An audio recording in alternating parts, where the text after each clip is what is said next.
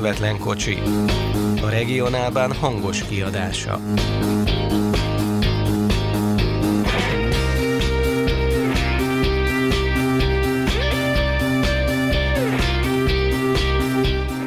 Köszönjük a közvetlen kocsi hallgatóit hosszú kihagyás után, és aktualitásokkal fogunk kezdeni, de mielőtt még ezekre az aktualitásokra rátérnénk, hadd mutassam be a szokásos szerkesztő kollégákat. Mondhatni ától Z-ig, de ezúttal nem lesz Z. Köszöntöm a hallgatókat, itt van az asztaltársaságban. Vecsésről jelentkezik. Adorján Péter. Kicsit szakadozott adatkapcsolattal, lehet, hogy eltűnik az adás ideje alatt, de nem a fekete autó viszi el. Berki Dénes. Brukander Lightából, a piros vonalnak, nem is tudom melyik oldaláról. Az innensőről, Magyarics Zoltán. És Rákos Jenesről. Mellár Marcel. Köszöntöm a hallgatókat, én pedig Halász Péter vagyok a szerkesztő.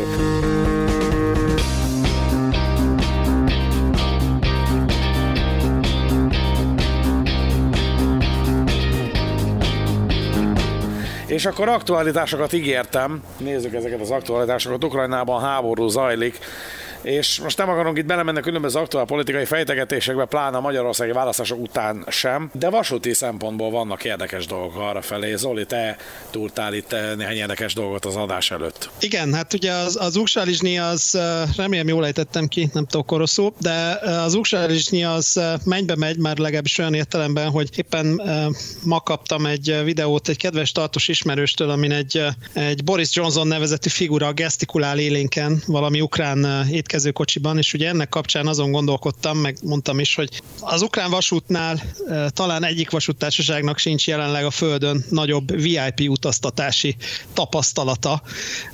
Gyakorlatilag egy kezemen meg tudom számolni, hogy Európából ki az a kormányfő, akit még, még nem utaztattak az elmúlt hetekben.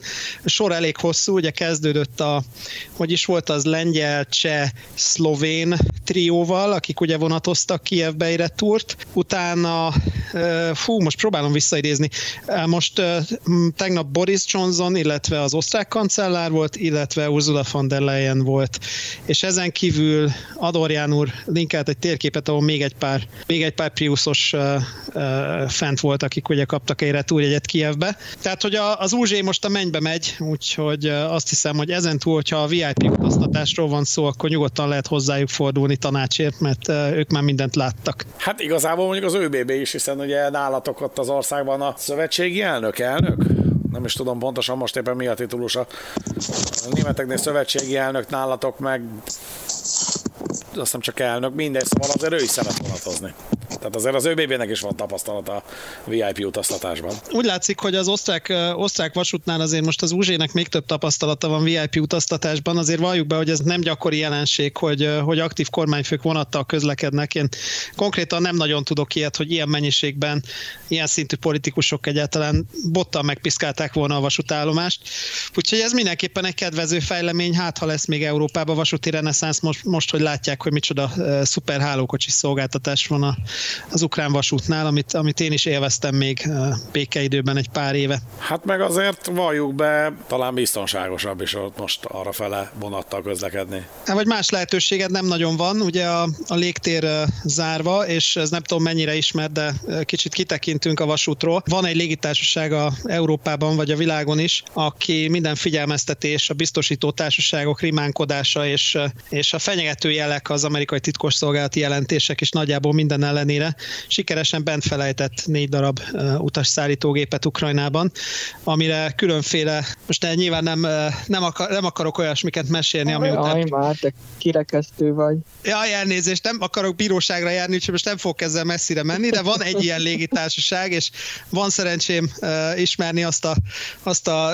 izzadságszagú háttérmunkát, amit annak érdekében fejtenek ki, hogy találjanak önként, önként jelentkezőket, ugye a virág, virágelvtárs ez így nincsen jó, nekünk önkéntes tanúk kellenek, úgyhogy most próbálnak önként jelentkezőket találni, akik kihozzák a gépeket, de ha jól tudom, most már ezt elengedték, úgyhogy kivárják a, a keserű végkifo, végkifejletet.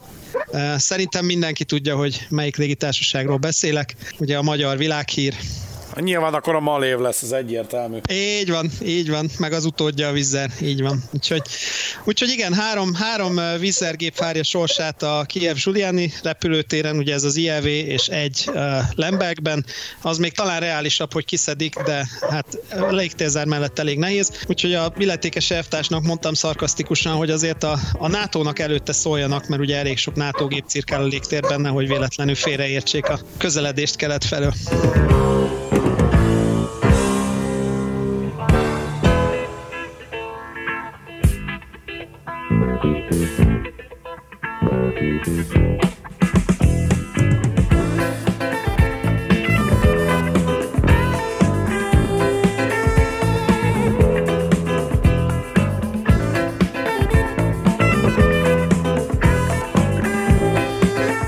Azt kérem, hogy a továbbiakban vedd át a, nem is tudom, az irányítói szerepet, hogy vonal vagy hálózati irányítás, azt majd meglátjuk. Hát Nagyon- vo- nagyon vonal, vonalirányítás vagyunk most. egyelőre itt a, itt a Donau Axe vonalirányítás, de, de majd máshova is el fogunk kalandozni. Ugye beszéltünk sokat magánvasutakról, állami vasutakról, arról is beszéltünk, hogy az uniós csatlakozás után külföldön sokan folytatták pályafutásukat a magyar vasútról, úgyhogy adta magát a lehetőség eh, különböző ismerettségeken keresztül, hogy tudtam hozni ide a csapatnak, illetve a hallgatóknak két, két külföldön dolgozó magyar mozdonyvezetőt, akik természetesen papírzacskóval érkeztek, papírzacskóval a fejükön, úgyhogy ennek megfelelően valami álnevet fogunk mindjárt az zacskóra felírni, és amikor én álnevet kértem tőlük, akkor kaptam is két javaslatot, aztán mondtam rá, hogy, hogy szerénység, elvtársak szerénység, a két javaslat az a Kaiser és a König volt, de amikor, amikor jeleztem nekik, hogy szerénység elvtársak, akkor kiderült, hogy ez nem egy ilyen öntöményező dolog, hanem, hanem ezt ugye azért akasztották rá egy korábbi munkahelyükön, mert hát, és akkor itt feldobom a labdát, hogy lehet is cáfolni az elején, ugye a magyar mozdonyvezetők híresek arról, hogy, hogy kötelességtudóak, és uh, amit elkezdtek, az be is fejezik, és jó minőségben mindig leszállítják az árut, ami nem feltétlenül jellemző minden mozdonyvezetőre. Vannak B ignácok, ugye, akinek a mozdonyfüstje megcsapott, ez megvan. Vannak ugye B ignácok minden vasútnál, de szerencsére mi most két nagyon elkötelezett, lelkes fiatalember tudtunk a hallgatóknak hozni, úgyhogy akkor Kaisert és Königet ezúton is bemutatnánk a hallgatóknak, és köszönjük, hogy elfogadtátok a meghívást. Üdvözlök mindenkit Königor innen a határ széléről. A másik meghívott pedig Kaiser Fedő néven a határ túloldaláról. Szervusztok! Az első kérdés, ami adja magát, nem fogunk túl sok vállalat nevet mondani, ugye ez volt az egyik kérés, meg, meg én is úgy gondolom, hogy mivel elég színes a karrieretek, ezért nincs értelme nagyon azzal dobálózni, hogy jelenleg épp ki hol vezet, de hadd kérdezzem meg akkor valamiféle sorrendben, hogy, hogy honnan indult a karrieretek, és most milyen, milyen országokban vezettek. Szerintem akkor, nem tudom, Kaiser König, akkor hogy is van a KUK, ugye, hogy, hogy volt a KUK? rangidős. Kaiser Ez ilyen rangidős. igen, Kaiserliche und Königliche. Jó, akkor Kaiserliche, igen. Tehát akkor Kaiserrel kezdjük. Köszönöm a lehetőséget a- az A betűnek. Lényegében most már több mint 20 éve dolgozom a vasúton. Ugye annak idején Magyarországon kezdtem természetesen én is, mint állami gondozott a MÁV-nál. Ott szereztem meg a mozdonyvezetői vizsgát, a jogosítványt. Mint mondottam, volt ennek most már több mint 20 éve.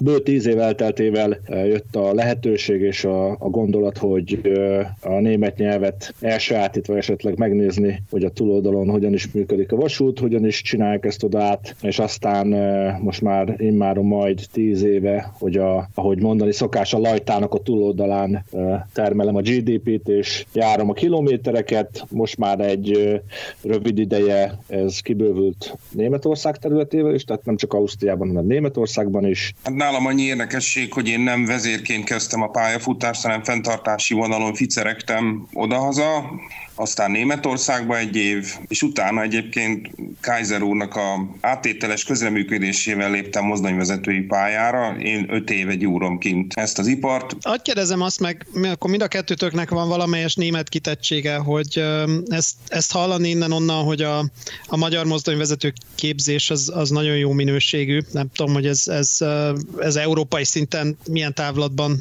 értelmezhető, hogy ez közép-európai távlatban vagy össze-európai távlatban szokták szokták ezt, ezt mondani, hogy például a német képzéssel mennyire összemérhető a magyar, vagy, vagy jobb, más, több, kevesebb, tehát mit tudtok erről? Ha kezdtem én a, az A betű jogán, annak idején egy olyan iskolában végeztem, hogy most már nem létezik, Megvart András vasútközlekedési szakközépiskola szakmunkásképzés gimnáziumnak hívták, ez egy, ez egy csodálatos intézmény volt, minden túlzás nélkül, főleg ennyi évtávlatában most már ezt ugye mondhatom. És az az igazság, hogy ott annó mi olyan képzést kaptunk, olyan, olyan tudással ruháztak fel minket, a, aminek birtokában később első körben ugye a magyar mozdonyvezető tanfolyamon, második körben pedig a, az osztrák, aztán pedig a német képzésen. Igazából egy annyira stabil, annyira fix szakmai alappal rendelkeztem, hogy tulajdonképpen csak hozzá kellett a, ugye itt osztrák és német oldalon az eltéréseket tanulni,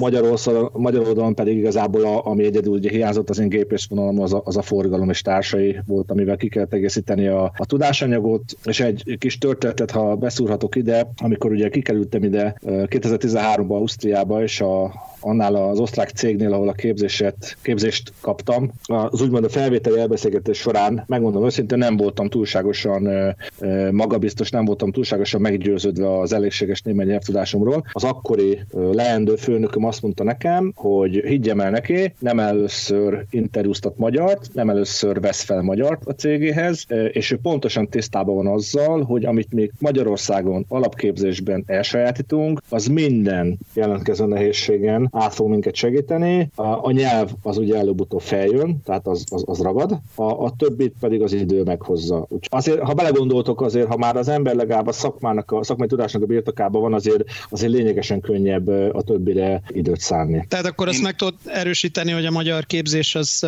az elég erős. Abszolút, abszolút. Ez, persze, ez nem is kérdés. És König, te hogy látod ezt? Annyit tennék hozzá, hogy mind az osztrák, mind a németben mi csak átképzést csináltunk, hiszen az alapképzést otthon kaptuk, ami egyébként tényleg elég alapos bár hozzáteszem, Halász úr például német fékfóliákról oktatott minket, tehát az, hogy most borzasztó, az is egy valami ezer oldalas jegyzetből szedte ki azokat, tehát nem seggeltünk ki odakint egy alapképzést, nem, én úgy nem tudnék objektív véleményt mondani. Azt, hogy a magyar oldal mennyire, hát gondolom mindenkinek van belátás az otthoni piros könyvekbe, na most ha baromságos súlykolunk, attól nem lesz jó egy képzés. Nem akarok senkit bántani, de én így nem tennék dobogósokat, hogy most itt jobb, hmm. ott rosszabb, mi csak átképzést csináltunk vagyunk kinekint. Világos, én ezért, ezért is kérdeztem úgy, hogy mi az, ami, ami esetleg más, mi az, ami, ami jobb vagy rosszabb, vagy más aspektusa van. Például én az osztrák alapképzést végzőktől olyat hallottam, hogy, hogy itt Ausztriában elég nagy hangsúlyt fektetnek például a gazdaságos vonat továbbításra, már energia hatékony vonat továbbításra.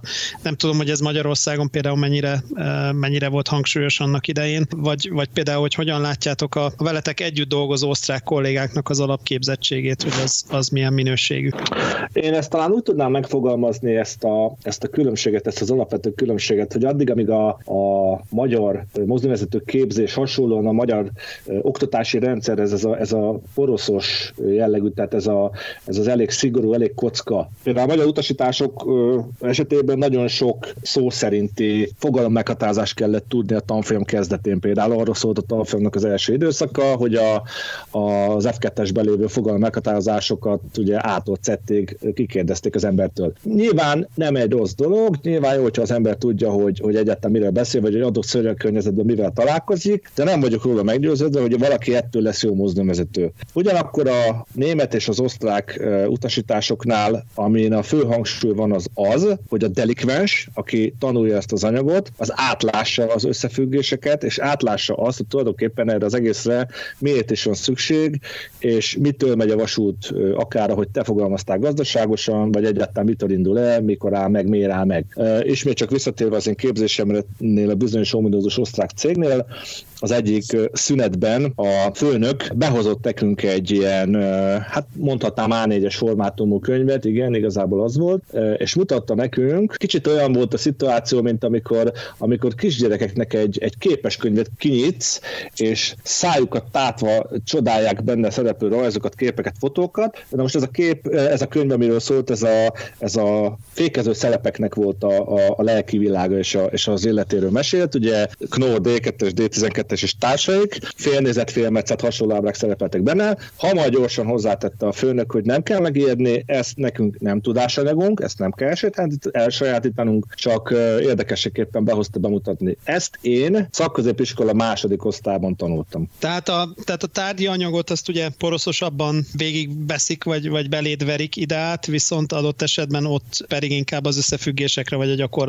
Én csak annyit akartam hozzáfűzni, hogy ugye nyilván a magyar oldalhoz nekem sincs semmi közöm, hogy ott milyen az oktatás, mert soha nem volt benne részem. Ugye Ausztriában a főiskolát végeztem, Svájcban meg a mozdonyvezető képzést, és én is csak ezt tudnám alátámasztani, hogy a, a, amit hallok, meg amire még részem volt magyar oktatásban, az sokkal nagyobb hangsúlyt fejez, vagy helyez erre a, a mindent kívülről tudásra. És, a, és az osztrák, meg, meg nekem a kicsit a svájci is, de az mondjuk már inkább egy picit visszajön megint ebből a big picture, meg, meg nagy átláthatóságban, hogy, hogy értsed a rendszert, értsed, hogy mi hogy, mi hogy függ össze mivel. Ezt én Ausztriában éreztem, Svájcban is amúgy inkább ez van, de ott azért már, ahogy például most említetted a, a fékrendszereket, amit ugye én írtam is, azt, azt mi azért nagyon-nagyon-nagyon részletekbe menően megtanultuk, hogy ez hogy működik. Tehát ott nem, ott nem volt ilyen, hogy ez nektek nem a része, hanem ott nagyon kellett tudni, jó, mondjuk, jó, mondjuk azért az RHB az elég perverz ezzel a vákum, hát meg nyomásos igen, fék, meg jaj, jaj, jaj, jaj. Hát egy kicsit ugye igen, persze, most lehet mondani, de ugyanakkor meg akkor se történne semmi, nem tudnád, hogy melyik szelep jobbra vagy balra mozog, vagy föl, vagy le. Tehát hogy nem ettől fék ez a vonat, de ja azért ez is hozzá szerintem egy picit a, az, a, az általános megértéshez. Talán én mind a kettőt jónak tartom, nyilván egy uh, arany középút a helyesetben is, mint minden másban. Tehát igazából annyit tennék hozzá, csak itt szegről végről családi szállon, ugye már említettétek ugye a fékoktatást, és ugye én azt látom azok alapján, a beszámolók alapján, amik uh, eljutnak hozzám is időnként, meg ilyen-olyan módon segítek itt anyaggyűjtésben néha, hogy ugye a hazai képzési anyag az valahol az 1990-es évek környékén megállt, és, és onnantól kezdve a modernebb technikát azt nagyon sok esetben szakkönyvekből, népszerű szakmai könyvekből lehet összegyűjtögetni. Kapásból azt tudom mondani, hogy az Eisenbahn Kurírnak vannak ugye ezek a típus monográfia könyvei ugye németül, ahol ugye baromi részletesen végignézik a különféle motortípusokat és minden egyebet, és ugye ehhez kapcsolódóan ugye ezekből sokszor kell szkennelni, és nem csak azért, mert second hand járműveket vesznek a magyar vasutak, hanem azért is, mert egyszerűen mondjuk nincsen Magyarországon fellehetően normális olyan rajz, akár egy motortípusról, akár egy légsűrítőről, akár bármi olyasmiről, ami, ami alapján lehet oktatni ezeket. Így van, és uh, akkor térjünk át egy kicsit a, a nyelvtudás kérdésére, már ez itt egy, egy körben felmerült. Az lenne a kérdésem, akkor első körben most Könighez, az lenne a kérdésem, hogy, illetve majd akkor Dénes, Dénes lesz a második ebben, hogy a nyelvtudással mi a helyzet, mennyire ellenőrzik ezt, vagy, vagy kell a nyelvvizsga, vagy ahogy, ahogy Kaiser mondta, inkább arról van szó, hogy megértsd az élőszavas kommunikációt az interjún, és akkor ennyi elég. Mi ezzel a tapasztalat? Öt évvel ezelőtt ugye, mikor én ide kivitorláztam, akkor elég volt, akkor úgy mondták, vagy igazolt német nyelvterületű munkaviszony, és az interjún felej meg, ugor meg a lécet, vagy pedig hozzon valaki nyelvvizsgát. Ez azóta módosult, nekem is kellett pótolni, B1 előírt. De ha valakinek ilyen ambíciói vannak, hogy kint szeretne dolgozni, én javaslom a minimum a B2 szintet megugrani. Dénes, és egyébként, ha már, ha már te is itt vagy ezzel kapcsolatban, mi a helyzet a svájciaknál, mert ott ugye sztoriztál egyszer azt hiszem arról, hogy valami szerbő, horvátul, albánul, mit tudom én, hogy rádióztak nálatok az RHB-n, meg, meg ugye van ez az olasz, hogy Luigi a tolatás vezető, és akkor előre szól a nem tudom én a Pierre, Pierre-nek, vagy ki a fenének, nem tudom milyen olaszul, vagy rétorománsul, hogy, hogy nálatok hivatalosan ez, ez hogy nézett ki, hogyha te megérted ott a, ezt a kantoni szét, ezt az engadinit, akkor, akkor, akkor jó vagy? Hát sőt, nekem volt erről szó egyébként, felmerült nyilván. Erre őszintén szóval most már nem emlékszem százszerzelékosan, de szerintem kértek nyelvvizsgát, valamilyen, hát A2-t, B1-et, nem tudom már miért, de szerint, de, én, de mivel ezt nálam nem vették annyira komolyan, ezért már nem emlékszem rá, hogy hogyha ugye vittem egy osztrák főiskolai elvégzést, meg, meg aztán az interjú nyilván kiderül, hogy tudsz beszélni vagy sem, akkor ha, ha tudsz, akkor ezt nyilván nem, nem kérdeznek többet. És egyébként én kérdeztem is akkor ott, hogy, hogy mennyire számít az, hogy most itt Hochdeutsch vagy, vagy az én osztrákom, mert én azért nem, én nem Hochdeutschot beszélek, hanem inkább osztrákosan, most már svájci befolyásra, és, és hogy ez, ez mennyire számít, hogy ez kell, vagy a svájci, vagy hogy mennyire kell megérteni, vagy nem tudom. És hát azért ott volt egy ilyen kis szájhúzogatás, hogy hát hivatalosan az van, hogy, hogy elég a, a Hochdeutsch, de hát nyilván ja, az azért ott, aki ott helyi, az nem fog veled Hochdeutschul beszélni. Tehát azért ez megvan. De, de egyébként ez nálam is úgy volt, hogy az elején még mit tudom én, még ott a tanfolyamon is, meg, meg jött azért kérdezgették néha, hogy úgy értem el, meg nem tudom, amikor ugye van rajtam kívül csak svájciak voltak, akkor, akkor azért ez így felmerül, de aztán elég hamar mindenki rájött, hogy így nem kell ezzel annyira foglalkozni. Ha megérted, akkor, akkor oké. Okay. És, és azért ez is így, így tényleg elég hamar jön. Tehát, ahogy már itt előttem is elhangzott, ez ragadt. Tehát, hogyha benne vagy a napi körforgásban, akkor folyamatosan tanulod a helyi nyelvet, akármelyik német is legyen az, vagy bár vagy a nem német, ugye? Világos, világos, és hogyha már a, a napi körforgás, meg a német tanulás, ez mind a két félhez, vagy lehet, hogy inkább, inkább Kaiserhez megy, mert ugye ő az, aki most Németországban is vezet.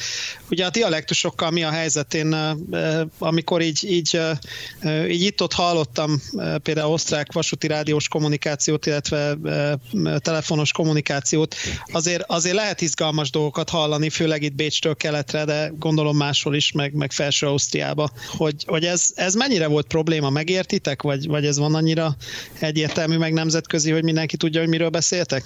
Hát ez ugye nyilván függ a, a másik féltől is. Tehát a, a kollega, ha azt szeretné, hogy én megértsem, akkor úgy fog beszélni, hogy én megértsem. Ja, világos. Aha. És, és, és az ellenkezője is játszik. Tehát csak egy példával illusztrálva, ENSZ városka mellett van egy elég nagyméretű konténerterminál, egy ilyen vegyes vasúti vízi, ugye Dunai terminál, oda járunk rendszeresen, hordunk oda vonatokat, tehát viszünk onnan vonatokat, és az ottani felséberek, ugye a tolató csapat, azok benszülöttek, ugye felső ausztriai születések általában, vagy legalábbis oda valósiak, és ugye amikor tolatunk, és ők elmondják, hogy éppen milyen feladat, akkor kiválóan, gyönyörűen, hogdolcsba, ahogy az le van írva az utasításba, tájékoztatnak a következő elvégzendő feladatokról, és utána pedig, amikor az én hátam mögött, miközben én vezetek, elkezdenek egymás között beszélgetni, akkor én ott úgy érzem magam, mint hogyha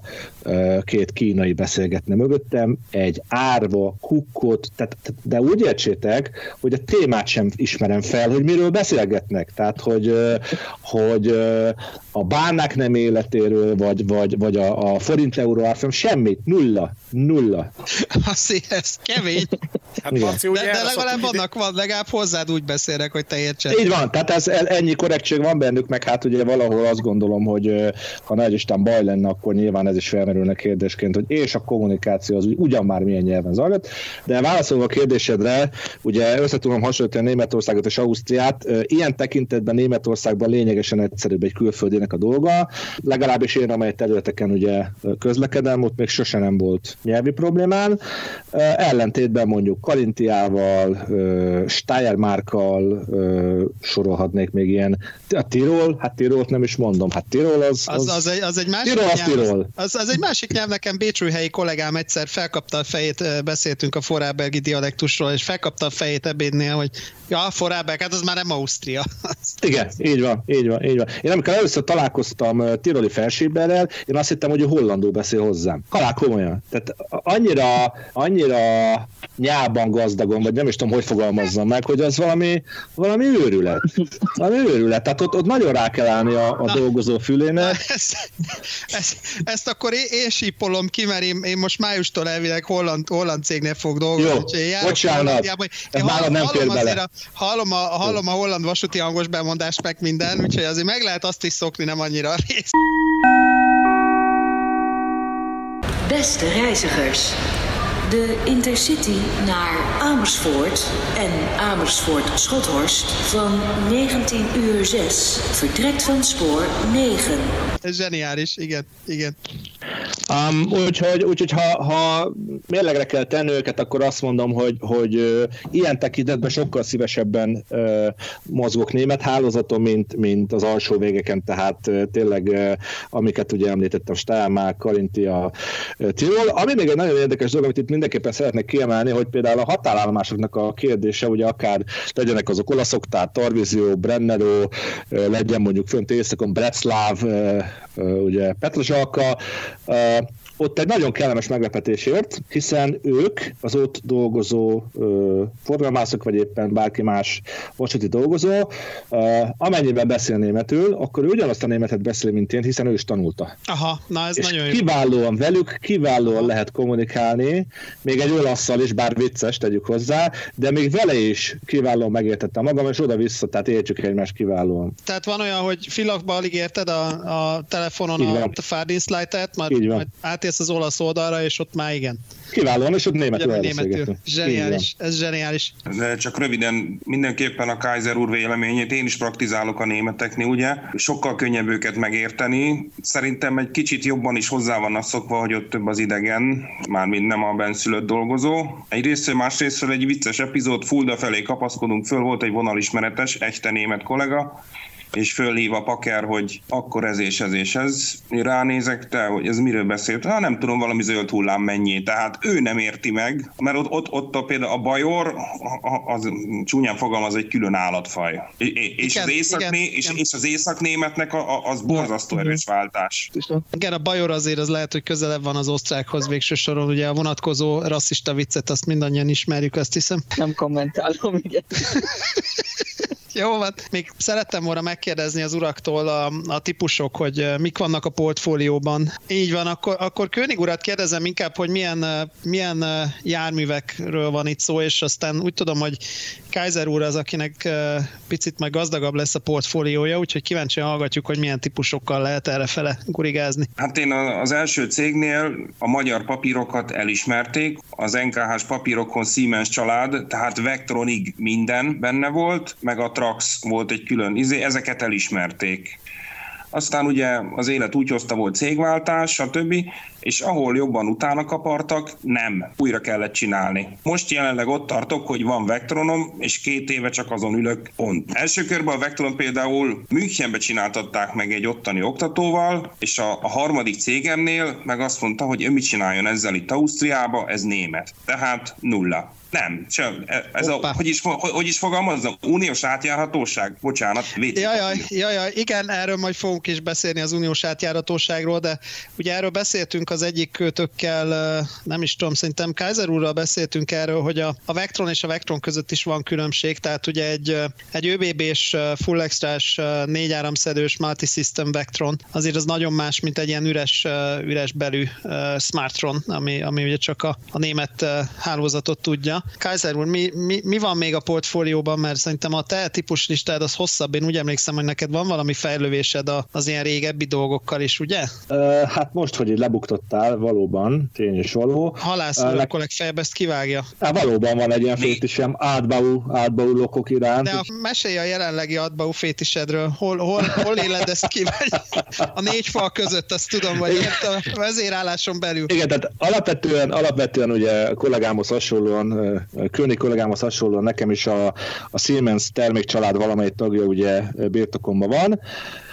Uh, emellett uh, egy korábbi osztrák munkáltatómnak köszönhetően a Traxnak a, az újabb változata, tehát a 157-es is birtokomba került, illetve a kollégák által vétesen csak Frau százasnak nevezett FAU százas, lánykor nevén FAU százas, ugye, hogy mindenki értse, miről Frau, beszélünk. Frau százast hallottam. Azt Így van, azt is mondtam, így van, azt, Azt is mondtam. azért, de- azért csodálkoztam, igen, hogy milyen igen. Frau százas a Fau százas. Hát, egy kis, kis szóvic.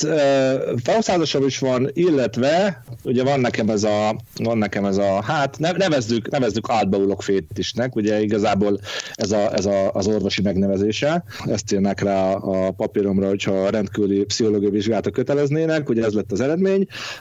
Ez úgy manifestálódott, hogy ide Ausztriába, illetve itt Ausztriában sikerült megszereznem a 10-10-es, 11-10-es igáslovát az ÖBB-nek, ami ugye most már megkockáztatom a 60. életévet és betöltötte, és korábban igen jelentős szerepet töltött be a, az ÖBB-nek a gerinchálózatán. Sikerült rá típus szereznem, elég sokat dolgoztam is vele.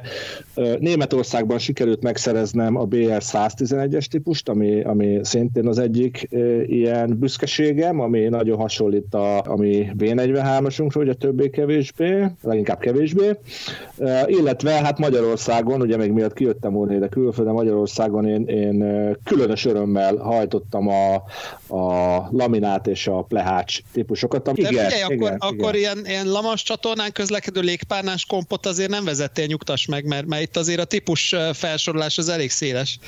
Nem, nem, nem, nem, nem, azért legyen el. Sőt, sőt, sőt, lehet, hogy furcsa lesz, de például se az olajkájhák iránt, se a gőzösök iránt nem érzek semmiféle vonzalmat ehhez képest. Osztrák magánvasúton, tehát, vagy, vagy német magánvasúti hálózaton azért jelentős részben ugye azt látjuk laikusként, hogy azért a Vectron család az most, most már mondhatjuk, hogy elég egyeduralkodó. Ha az ember nem téved mondjuk a Grand Pethez, akkor, akkor ilyen 1042 meg ilyesmik nem nagyon esnek bele a szórásba.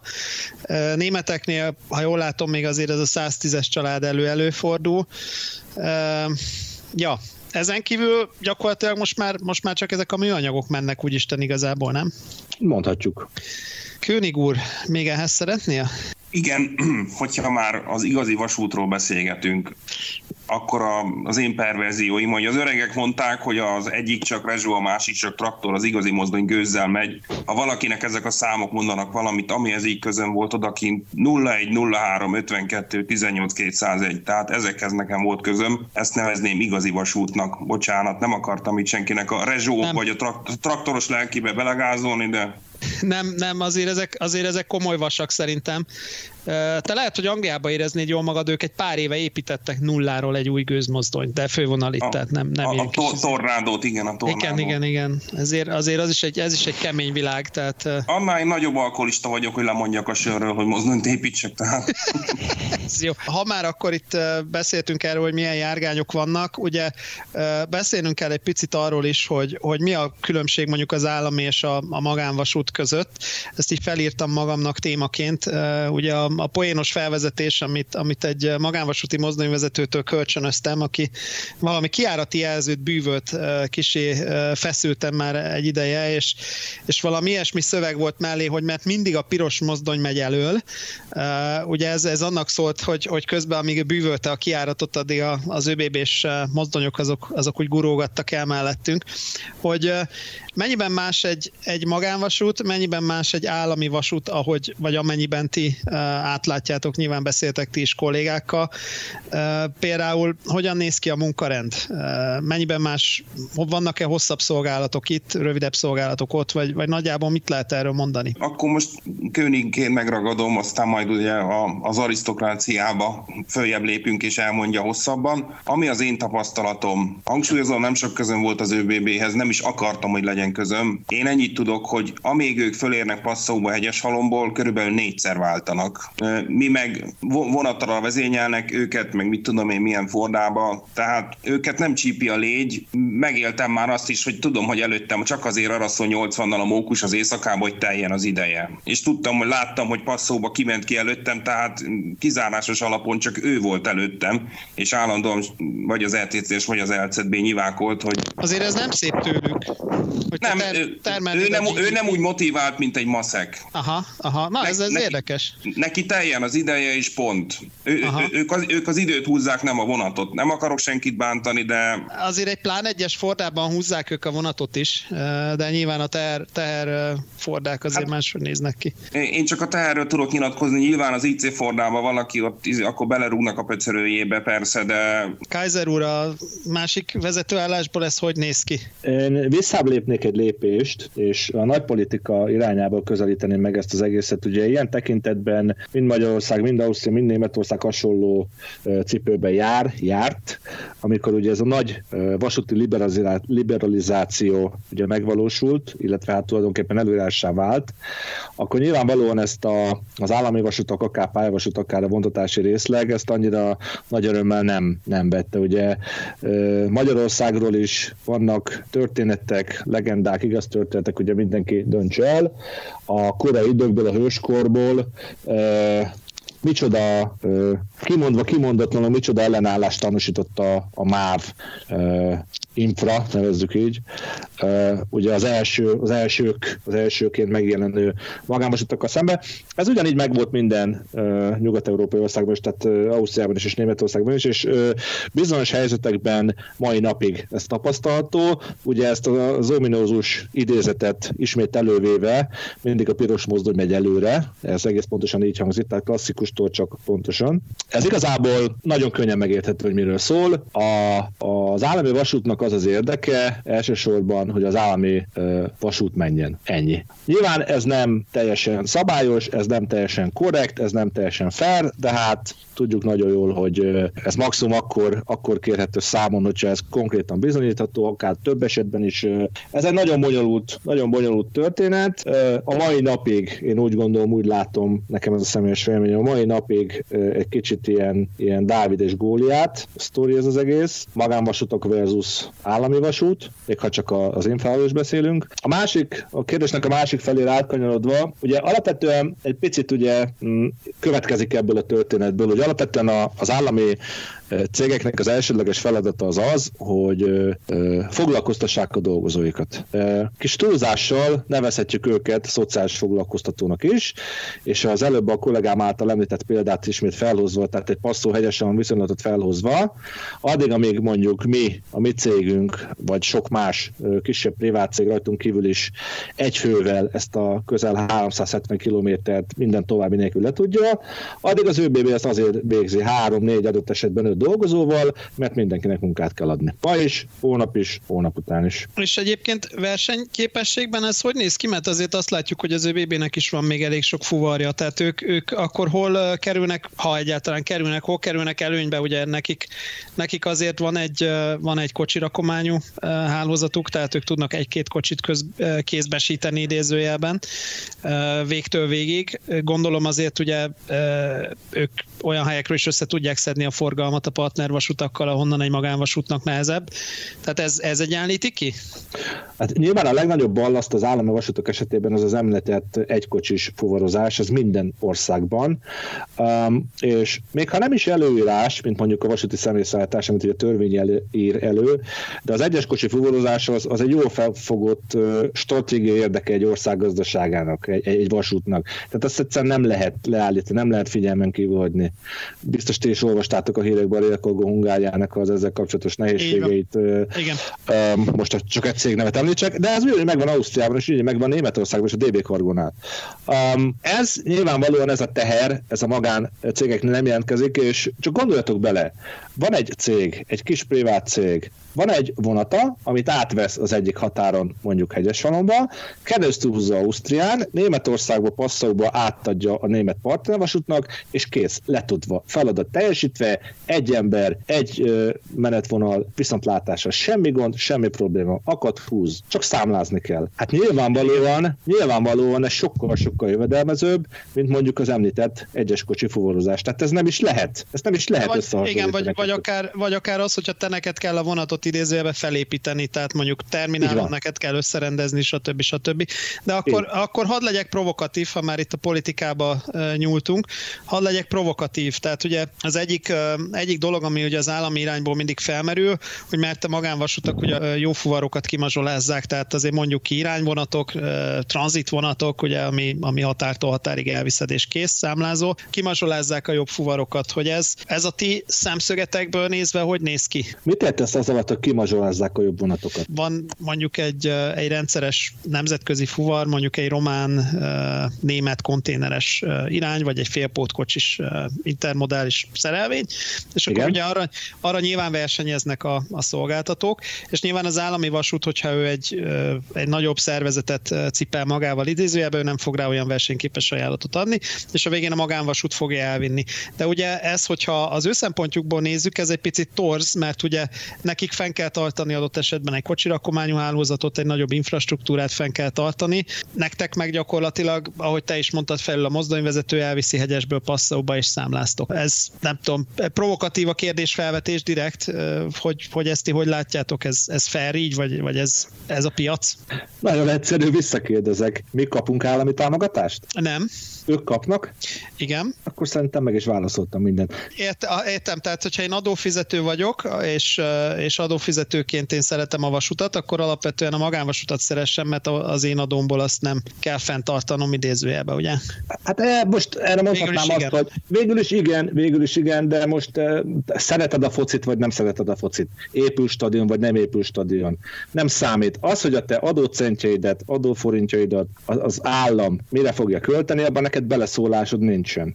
Viszont, ez a, ez a, ez a kimazsolázás, ezt, azt azért nem tartom megfelelő kifejezésnek, mert egy fuvaroztató szuverén joga eldönteni, hogy ő kivel szeretne fuvaroztatni. Hogyha ő minket talál megfelelőbbnek, akkor velünk fog fuvaroztatni. Hogyha az ÖBB-t találja megfelelőnek, akkor az ÖBB-vel fog fuvaroztatni. Így van, és, és nyilván van, aki az ÖBB-vel fuvaroztat, és ugye ezt az amerikai vasúton is látjuk, ahol, ahol mondjuk a magáncégek versenyeznek, hogy a, a végén az nyer, aki, aki ugye jobb kondíciókkal, jobb időben el tudja vinni a fuvart. Igen, ezt, ezt, ezt akartam én is mondani, hogy értem a provokatív kérdést, és tudom, hogy miért tetted fel, mert ez gyakran elhangzik a vasútrajongók körökben, meg, a, meg az általános ilyen szakértő idézőjelben körökben. Viszont ez ugye fordítva üzünk van, tehát itt nem a, nem a fuvarozó választja ki, hogy kit fuvaroz, hanem fordítva. Végül is megválaszolgattad a magad által föltett kérdéseket, de tőled idézve Magyarics klasszikus, a számológép dönt, tehát piac. Kész, pont. Jó, de igen, ami, ezt, a, igen. A, a, ami meg ellenpélda, ebbe szerintem mondhatok nevet, LKV Walter, mindenki látta már, ha más nem az autópályán. Idekint látod, nem akarok hazudni, Maszek cég három vagy négy is viszi, és piros mozdony is van előtte. DB Strax, és az valószínű, hogy ezen az oldalon meg ÖBB viszi. Szóval akkor tegyél igazságot. Nem, nem mazsolál, abszolút piac alapú a történet. Így van. A, ezt, ezt... A, a, az államiak meg mondjuk, mivel övék az infrastruktúra, csúnya szóval, ezért az egész helyzet faramúci. De mi meg mit csinálunk? Bérelünk egy mozdonyt, és ráültetünk egy mókust. Pont, kész. Azért is tettem fel a, a provokatív kérdést, amit Dénes is mondott, hogy ugye sok fotel szakértő van, aki egyik vagy másik oldalra foglal állást. Én ugye látom az európai rendszert is, meg, meg valamelyest látom az amerikai rendszert is, ami ugye teljesen magán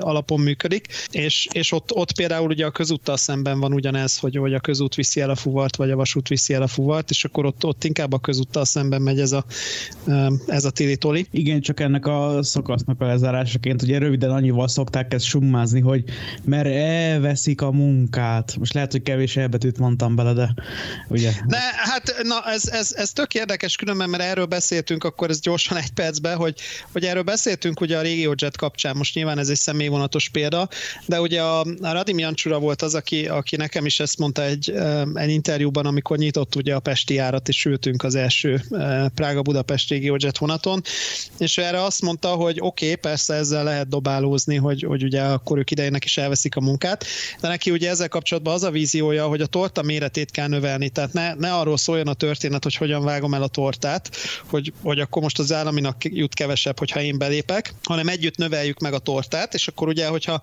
mindenkinek marad a tortából annyi, amennyi most van, már akkor is mindenki jobban járt, és ő ugye erre a, a Prága Osztravát hozta föl példának, hogy amikor beindult a Prága Osztrava tengelyen, azt hiszem majd Marci, te javítasz biztos, hogy ott talán három szolgáltató is van, mert ugye van a RegioJet, van a Leo, meg ugye van a CD, hogy, hogy amikor a Prága, Prága Osztraván ugye beindultak a magánok, akkor utána valami 30-40 százalékkal néhány éven belül megnőtt az szám, pusztán azért, mert gyakrabban volt vonat. Tehát nem az volt, hogy kiment a delikvens az állomás, és egy óra múlva volt vonat, hanem mindig mit tudom, 20 perc múlva volt vonat, és ezért sokkal többen választották a vasutat. Tehát, tehát lehet ezt is mondani, hogyha többféle szolgáltató van a piacon, állami magán, akkor ugye nagyobb az esély annak, hogy egy fuvaroztató talál magának megfelelő ajánlatot talál például magyar mozdonyvezetőket, akik hegyestől passzaóig egy fenékkel el tudják vinni azt a, azt a félpótkocsis vonatot, és nem kell nekik három helyen leváltó. A másik, amit szerettem volna az uraktól kérdezni, ugye a magánvasút, állami vasút, hogy nyilván beszéltek államvasúti kollégákkal, állami gondozott kollégákkal, ahogy itt szarkasztikusan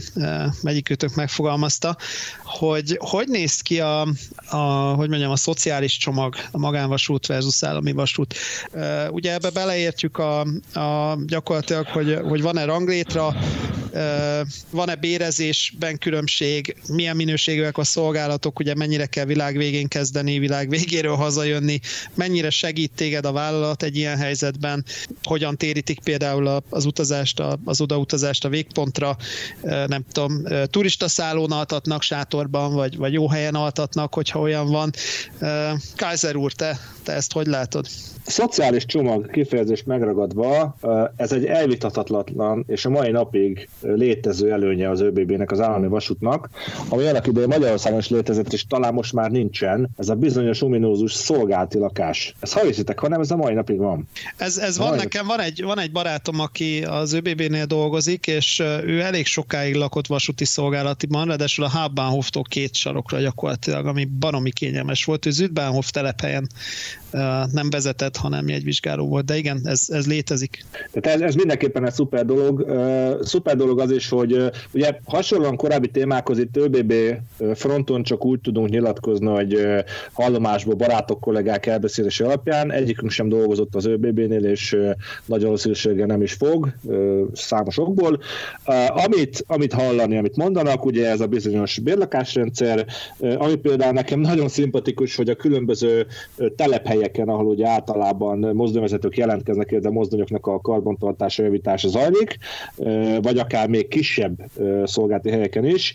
Nagyon sok helyen van üzemi konyha. Tehát ha belegondoltak, ez úgy visszaköszön egy kicsit a MÁV-tól, nem? Szolgálti lakás, üzemi konyha, ezek ilyen, ilyen békebeli, ilyen, ilyen Igen, igen. Uh, nyug, nyugdíjas állás, ugye mondták Aha. régen. Aha. Az, nekem ez nagyon szimpatikus, őszinte leszek. Ez mindenképpen nagyon szimpatikus. Uh, bérezés, juttatások.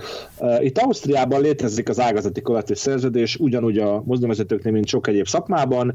Magyarországon is ugye vannak rá tervek, illetve szándék, hogy bevezessék. A legutolsó információ, legutolsó információm szerint még ez nem valósult meg. Itt kint működik, hála Istennek. Ezt úgy kell elképzelni, hogy valamennyi Ausztria területén és osztrák cégnél dolgozó bejelentett mozdonyvezető egységesen ezeknek az ágazati kollektív szerződéseknek a határ hatály alá esik. Ezekből ugye van egyszer a, az állami, tehát az ÖBB is, illetve van a, a privát, ami ugye majd valamennyi privát társaságra ugye az érvényes.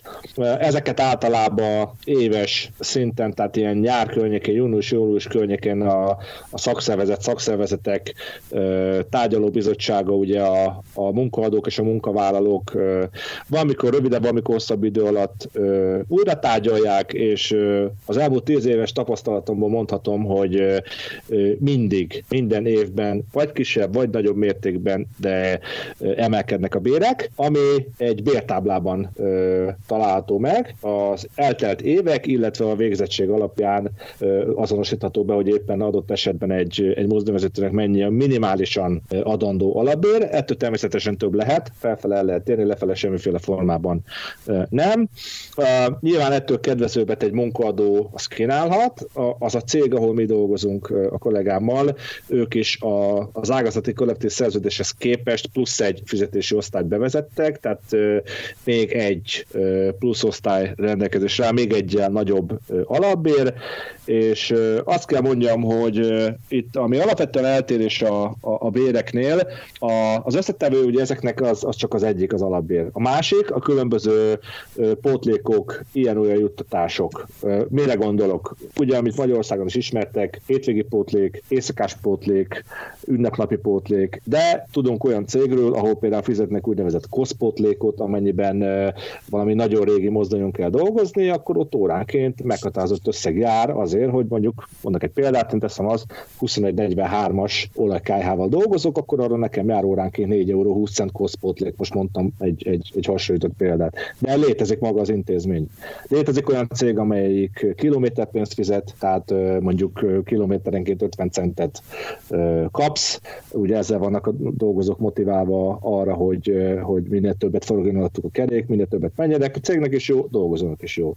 Úgyhogy elég széles a spektrum um, ilyen tekintetben. Uh, és akkor ugye nem beszéltünk arról, ez a, ez a hanyatló nyugat, nem is tudom, meddig tudja még fenntartani a 13. és 14. havi fizetést, hát ezt, szerintem nem is ecsetelem, ezt, ez szörnyű, borzasztó hallani. Igen, és hol szoktál egyébként hanyatlani, amikor, amikor mondjuk olyan forda van, hogy valahol világ végén végzel? Gondolom, hogy önköltségben, önköltségben utazol, hogy, hogy szokott ez lenni, ilyen, ilyen Österreich-kárdot kapjuk? Uh, igen, igen, természetesen, a, természetesen az önköltségi utazás az a cég által egyrészt ugye biztosítva van a lehetőség, tehát ösztalákáddal vagyunk felszerelve, itt speciál a mi cégünknél első osztályúval, tehát azért azt gondolom, hogy azt, azt azért ti is átérzitek, hogyha mondjuk önköltség Bécsből Fillagba kell menni, és 5 órát kell zögykölődni a Learjeten, az azért nem mindegy, hogy másodosztály vagy első osztály. És ugye, ugye... Hát igen, egy, egy lefingott, egy lefingott Learjet azért BHV, hát ha igen, hogyha klasszik BHV lenne, akkor azért elvállalnám a másodosztályt, de azért Learjeten. Ráadásul, ráadásul ugye, amit itt fontos hozzáfűzni, amit, hogy, hogy tovább fájdítsam a szíveteket, hogy az itteni első osztály osztarájkád, az a business classra is érvényes.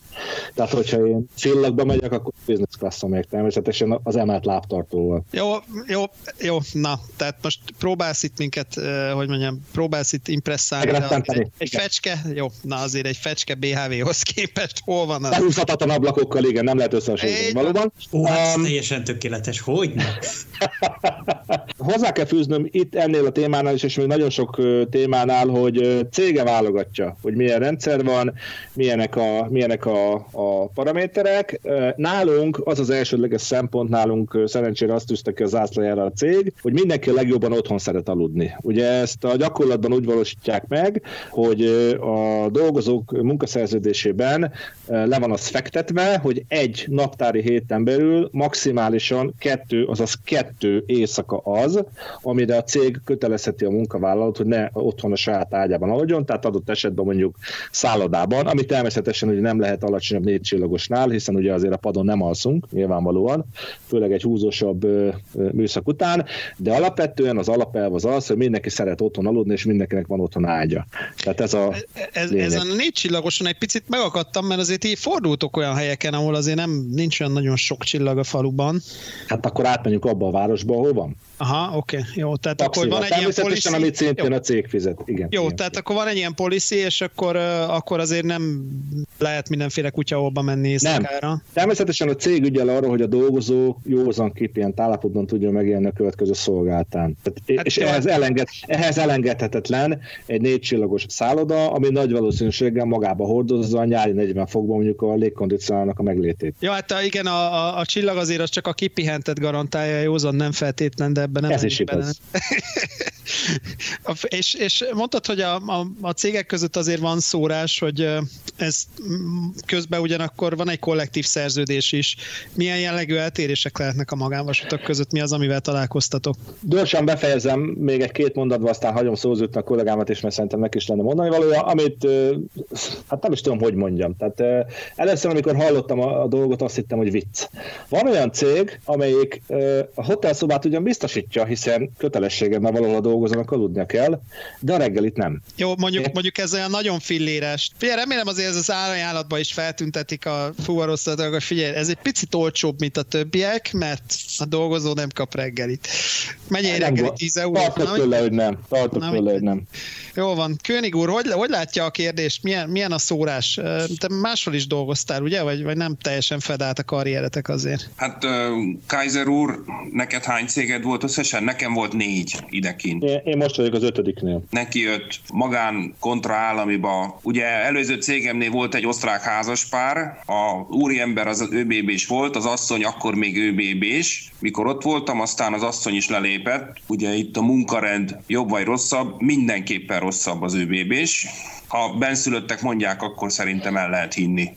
Mennyiben, mennyiben rosszabb? Tehát ez a, ugye beszéltünk arról, hogy... Hát figyelj, hogy... amikor, amikor minden nap mész hajnal kettőre, uh-huh, igen, meg, igen, tehát ez a, aha. Én tudok olyan magánvasúti mozdonyvezetőt, aki, aki átigazolt magántól az ÖBB-hez, azzal az ígérettel, hogy, hogy majd a, a győri váltású rérgeteket hordják ugye ÖBB-s színekben a magyar mozdonyvezetők, és aztán amikor néhány hónap után kérdeztem, hogy mi a helyzet, mert ugye nem nagyon valósult meg ez a győri, győri váltás hegyeshalmi megállás nélküli átmenettel kombinálva, akkor éppen valami Bzeslav Leoben szénvonaton értem, ilyen, ilyen lengyel, lengyel-osztrák reláció szénvonaton értem, és mondta, hogy ő inkább visszamegy, mert nem erről volt szó. Összefoglalva, akkor az állami kasztok vannak, meg... És akkor ez a lényeg. Ne, ez a lényeg. Vagy pont. A kasztrendszer ott van, és a mai napig van. Igen. És, és akkor magánvasútnál nem nagyon van kasztrendszer. Úgy, úgy vettem ki azokkal, akikkel beszélgettem, Nincs. úgy vettem ki, hogy, hogy nincsen, tehát minden fuvar egyenlő kvázi. Így van. Uh-huh. Megnézik az előéletedet, és beszámolják, úgy sorolnak be egy bértáblába, ennyi a kasztrendszer. Ha valaki tegnap kezdte a szakmát, nyilván nem fog annyit keresni, mint mondjuk Kaiser úr a 20 évével. Aha. És, és beszámolták a magyar éveket. Hangsúlyozom, voltam előző cégemnél, nem akarta beszámolni a magyar éveket, de a DB-t meg röhögve elfogadta. És akkor mondom, miért, az nem külföld? De ő is PCB-ben járt. Mondom, hadd nem mondjam, hogy melyik felmenőjének milyen foglalkozására gondoltam akkor. Világos. Be kellett zsarolni, a benszülött barátom mellém állt, vagy megadod a kőnignek, vagy elmegyünk mindketten. Tehát, na, ezt hagyjuk, ez a... a de, ez, akkor, ak- jó, de akkor ilyen szempontból azért van összetartás a kollektíven belül, tehát nem az van, hogy akkor a külföldi mozdonyvezetőt hmm, feltétlenül Inkább lehet. azt mondom, hogy a, a, a személyes, hogy a barátok ha. összetartanak. Egy kicsit az a tapasztalatom, hogy a maszekok között általában ilyen párfős klikkek vannak ott is aztán. És, és, és a, a magánvasutak úgy egymás közt mennyire, mert látok, látok azért ilyeneket, én is néha előfordulok ilyen helyeken, és látok olyat, hogy a, a, a magánvasutas a magánvasutasnak azért visszaint az ÖBB, és az már nem biztos, hogy a magánvasutak egymás között, tehát van, van egy közös, idézőjelben van egy közös, nem azt mondom, hogy ellen, hát ellenfél, az végül is jó. Tehát van egy, van egy közös üzleti ellenfél, és azért a magánvasutak között van valamiféle magánvasuti összetartás, vagy itt tényleg mindenki vadnyugati jelleggel, mindenki csak a sajátját nézi, és, és nem segíti ki adott esetben a többieket. Ez, ez hogy működik ez a piac? A Kaiser urat kérdezem talán, mert vele beszéltünk erről korábban, azt hiszem, és neki erről volt valami tapasztalat, véleménye is. Van, van tapasztalatom valamennyi, valamennyi ilyen jellegű szituációval találkoztam, és alapvetően azt tudom elmondani, hogy, hogy alapvetően van együttműködés, alapvetően működik az egymás kisegítése, adott esetben egy cégnek mondjuk van egy vonata, van hozzá mozdulja, de nincsen embere, akkor teljesen, teljesen normális és elképzelhető történt az, hogy egy, egy szomszédos baráti éfaút egy magánvasutárságot felhív, és embert kér tőle, vagy éppen van embere, van vonata, de nincsen mozdonya, ugyanez mozdonyal, szintén működik. Sokkal inkább megvan ez az átjárhatóság itt egymás között, mint, mint más országokban. Tehát ez, ez, ez szerencsére működik. Természetesen a, a piaci verseny az nagyon éles, adott esetben eurocent per kilométerek döntenek bizonyos, bizonyos boltoknál, de hát ezt ugye tudjuk jól, hogy ez, ez az élet. Szó is tesz. Így van, de azért ez elég, elég furcsa egy hallani, hogy adott esetben mozdonyal is kisegítik egymást a cégek. Megmondom őszintén, ezt így kívülről nézve nem hittem volna. Tehát akkor ne lepődjek meg, hogyha egyik nap valami más géppel esik be, mondjuk az LT, és konténervonat valami más géppel esik be, mert, mert éppen kisegítik őket. Abszolút valamiben. nem, abszolút Aha. nem, ez teljesen életszerű. Mondok egy példát, az én ö, nem olyan régi múltamból, pár héttel ezelőtt történt egy szituáció, Brennerre vittem egy vonatot, innen Ausztria közepéből, úgy sikerült a mozdonyfordulót alakítani, hogy a, az a bizonyos mozdony, ami ugye a vonat elején volt, nem volt alkalmas az olasz 3 kV-os üzemre. Én ezt pontosan tudtam, de úgy voltam vele, hogy kivárom, hogy a szolgálati felsőbség az mit fog erre reagálni. Hát nem reagált semmit, és amikor már ott álltam az olasz felsővezeték alatt, akkor ott már nem volt tovább húzni az időt, lehetőségem. Rákérdeztem, hogy akkor most mit fogunk csinálni. A dispatcher megmutatott, hogy meg fogja találni a megoldást, tartsak ki, hamarosan fog érkezni a, a segítség, és így is történt. A szépség hibája történetnek, hogy az hajnali kettőkor volt mínusz négy fokban fönn a Brenneren, ugye 30 perc elteltével a Vectron az akkumulátor töltés irányába ugye kiüzemelt jaj. Jaj, jaj, hogy, jaj, hogy olyannyira, hogy a 3000-et meg se ette, tehát akkor te ott ültél egy sötét gépen? Szó szerint ültem egy sötét oh. gépen, néztem hogy, néztem, hogy hullik a hó a szélvédőre, szorosabbra húztam magamon a kabátot, hogy ne hülyek ki olyan gyorsan, de röpke 60 perc elteltével megjelent egy ö, ö, baráti, vasúttársaság baráti mozdony, amelyik alkalmas volt a, az olasz egyenfeszültség alatt üzemre, és nagyon kedvesen megmentette ebből a szorult helyzetből, úgyhogy ez teljesen, teljesen működik, teljesen életszerű, hogy kisegítjük egymást. És, és ez nem a Ferro Via Stato volt nyilván, ezt feltételezem? Természetesen nem, természetesen nem, ez szintén egy, szintén egy német nyelvű EFAU. Igen, de figyelj csak, ez, ez nem akarok rossz májú lenni, de azért itt elképzelhető, hogy ez humanitárius okokból történt, nem pedig valamiféle üzleti betyárbecsület, csak lehet, hogy az irányító közben már a te, hogy mondjam, testi épségedre hivatkozva próbált mindenféle megoldást találni. Ez is lehet, illetve itt azt is el tudom képzelni, hogy a, a, az állomásnak az olasz forgalmistán meghallotta a segélykiáltásaimat, és ő döntött úgy önön maga, hogy felkéri az egyik partner vasúttársaságot, hogy nem tudna segíteni rajtunk egy pár méternyi kihúzás, illetve áttolás erejéig. Nem, nem akart magára a jegyzőkönyvet, tudod, ez a folyami hullát találtunk. Könnyen elképzelhető. Jégbe fagyott folyami hullavezető állások. Igen. Megtaláltuk öt a mozdonyon, igen. Körülbelül. König urat viszont arról kérdezném, hogy ő a, a csapatban az, aki Magyarországról kezd végez, Magyarországról jár.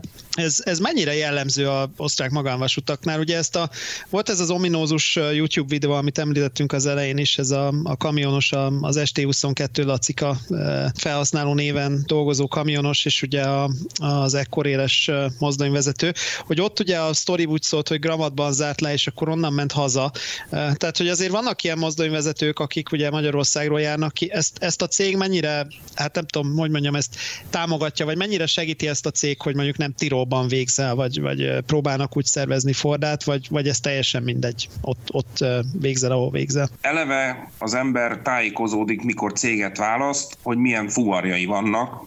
Na most, ha az ember akkor mm, be tudja magát lőni a térképen, hogy én nyilván nem mennék olyan céghez, ami Brennerre jár, vagy ilyesmi. Na, e, e, ezt a részét kilőttük, és az interjú le is tisztázom, hogy én ezt szeretném csinálni, talán ezt még elvállalom, ha jó, jó, ha nem, akkor fogom a tarisznyám, és megyek egy ajtóval odébb. Ez, hogy mennyire veszik figyelembe, ugye péntekente van nálunk a lottósorsolás, és akkor kijön ez, hogy átlagokat mondok, heti 2, 3, 4, esetleg 5 szolgálatot kap az ember. Egy kicsit most friss a dolog, az órukra lett koppintva, vigyünk több logikát, lakhelyhez, lakhely szerinti vezénylés terén most jó nekem. Kicsit furcsa volt, hogy benszülött kollégák jönnek hegyesbe, mi jártunk Bécsi terminálra, mindegy. De most az orrukra lett koppintva, most jó. Aztán, hogy menjünk tovább. És... Hát, e, e, első osztály hotel, tehát ha egy kicsit összetódulnak a dolgok, nem problémáznak a hotelon, és tényleg, ahogy kifejtette Kaiser úr, arra nincs panasz.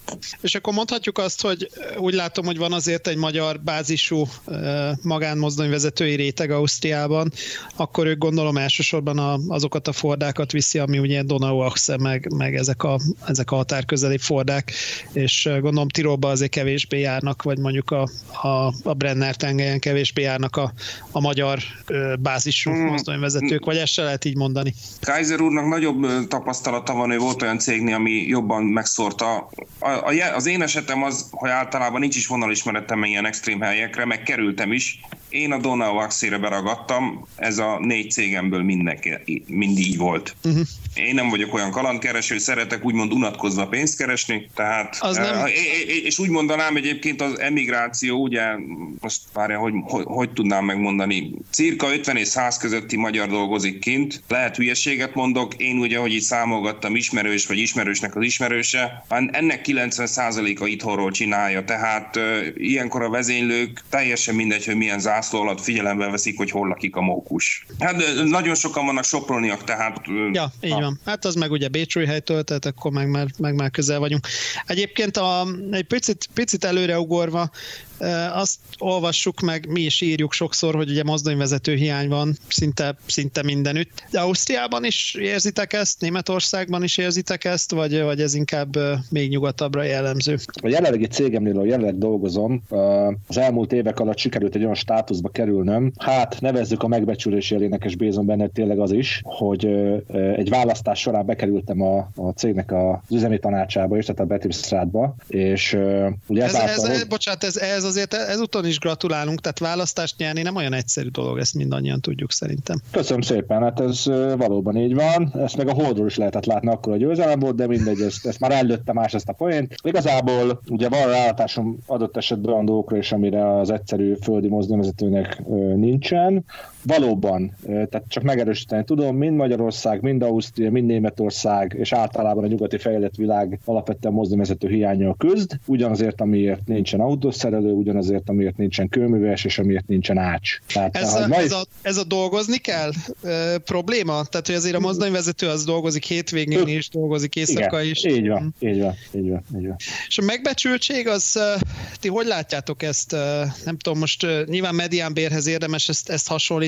Most nézegettem ilyen adatokat, amit, amit itt találtam, hogy mondjuk Magyarországon mennyi egy mediánbér, Ausztriában mennyi egy mediánbér, hogy mondjuk a mozdonyvezetőket vajon nyugaton jobban megbecsülik-e idézőjelben a, a mediánhoz. Most például én ilyen adatot találtam erre, hogy az átlag, ez mondjuk nem medián szerintem, ez számtani közép, ami nyilván kevésbé jó nekünk, de én azt látom, hogy a, a nettó nettót mondjak, bruttót mondjak? Mondok nettót.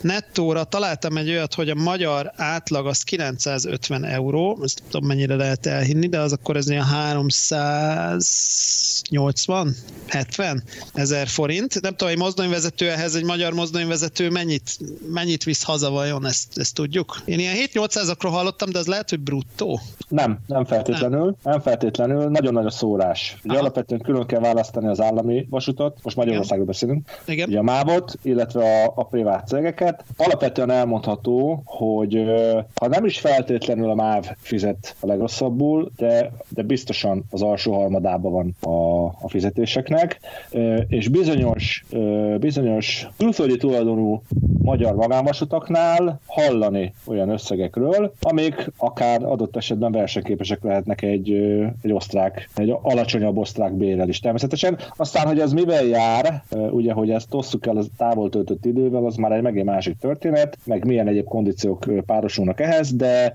de igen szép nagy kerek számokról hallani. Aha, akár, akkor akár ez hétjegyűbe is elmegy. Igen. Uh-huh. Jó, tehát akkor tegyük fel, hogy a, a magyar átlagbérezéshez képest akkor mondjuk egy kettő kötője háromszorost össze lehet szedni nettóba mozdonyvezetőként?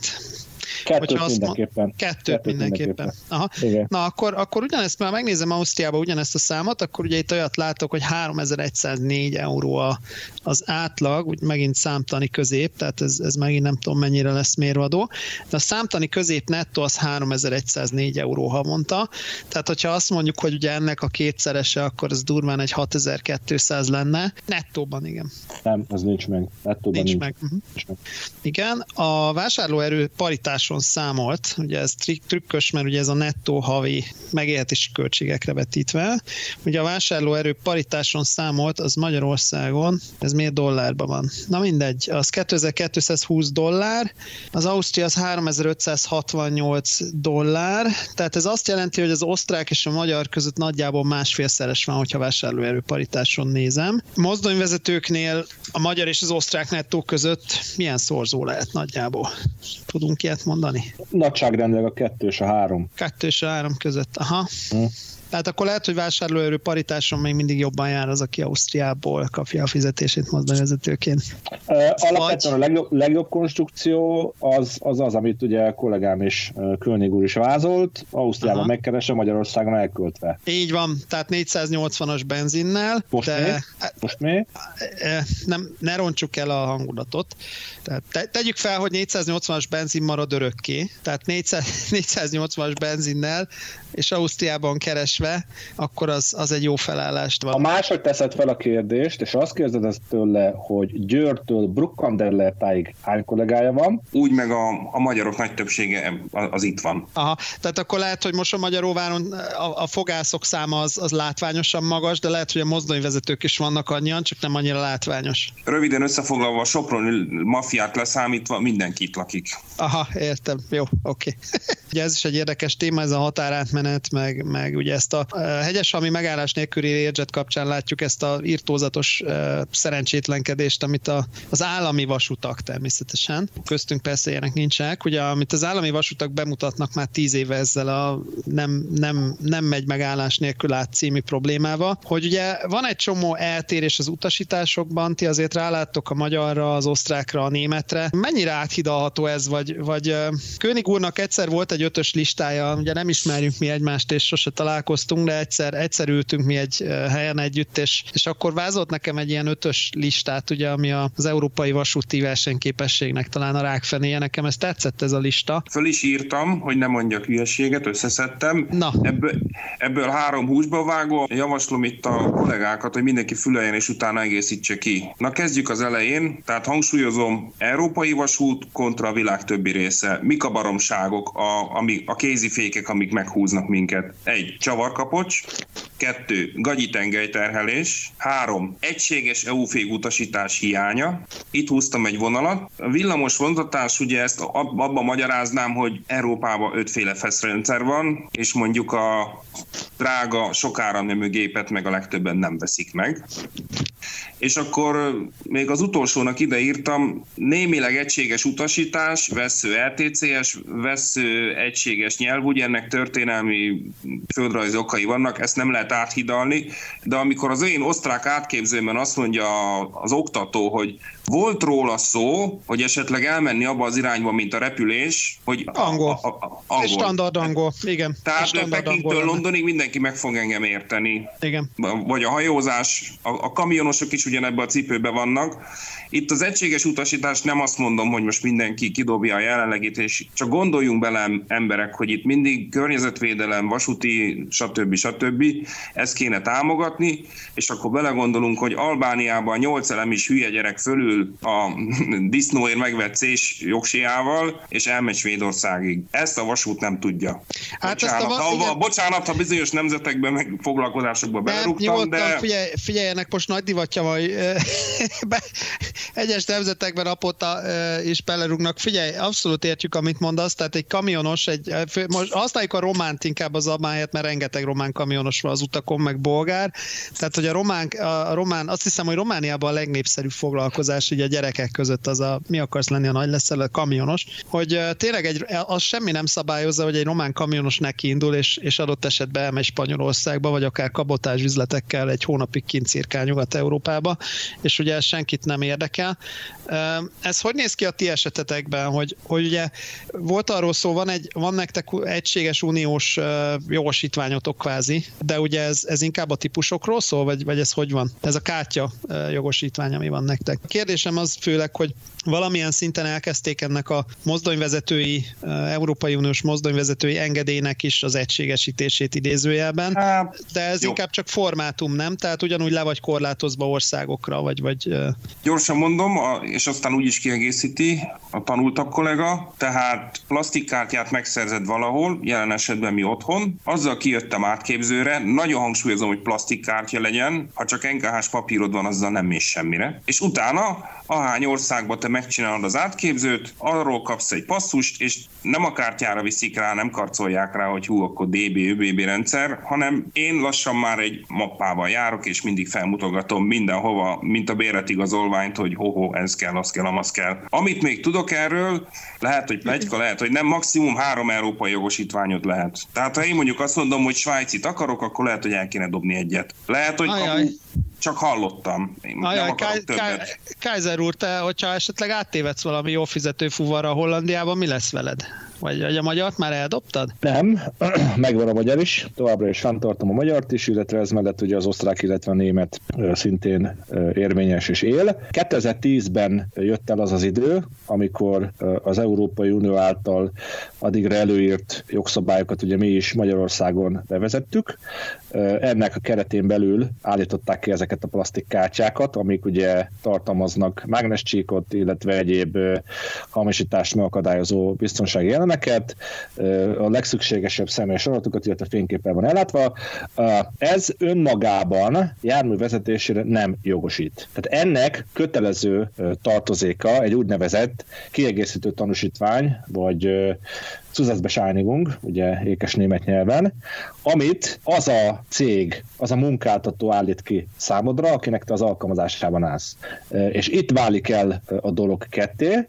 Adott esetben volt olyan időszak, nem is olyan régen, amikor nekem speciál három országból három kiegészítő tanúsítványom volt. Volt magyar, volt osztrák és volt német. Ez azt jelentette, hogy mind a három ország hálózatán, infrastruktúráján közlekedésre jogosult voltam, a szükséges előtt vizsgákkal rendelkeztem, beleértve ugye az orvosit is. Tehát tulajdonképpen ez így néz ki, ez hála Istennek működik nagyon jól, ez az egyik olyan dolog, amiben sikerült közös nevezőre jutnunk, ugye már gondolok itt ez a Magyarországra, az Európai Unióval, tehát ha most egy magyar kolléga úgy döntene április 3 után, hogy eljött az idő arra, hogy világot lásson, és, és eleget húzta már otthon az igát, és a megfelelő, hangsúlyozom, a megfelelő német nyelvtudás birtokában van, akkor tulajdonképpen ezzel a kártya jogosítványjal és egy kis önbizalommal felvértezve kijön, megfelel egy adott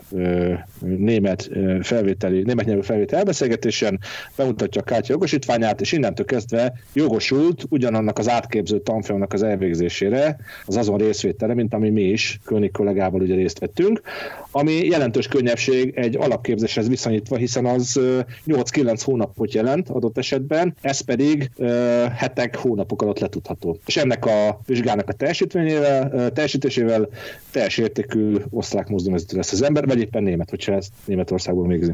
Azért ez, ez nem rossz, tehát azért ezt én mindenképpen ugye ez az ötös lista, ez abszolút jogos, és, és, és ezek mind tényleg nagyon fontos pontok, de akkor legalább ezen a téren, hogyha a nyelvismeret rendben van, akkor, akkor ezen a téren már azért előrébb vagyunk, hogy nem kell a nulláról kezdeni külföldön. Ugye itt fölmerült, hogy a csavarkapocs mint olyan. Tehát hogy ez egy történelmi hagyomány Európában, ezzel sokáig ugye nem tudtak mit kezdeni, és pont én írtam egyébként egy cikket ebből, hogy a 60-as évek közepén végén volt ugye egy próbálkozás összeurópailag, hogy leváltsák ezt, ami nem jött össze, és most tavaly óta fut egy másik hasonló projekt, ugye főleg a DB, ÖBB, SBB és van elvileg egy tehervonat Európában, ami már ilyen rendszerrel közlekedik, ez ugye a DAK vagy DAC rövidítés, attól függ, hogy ugye a német vagy az, az angol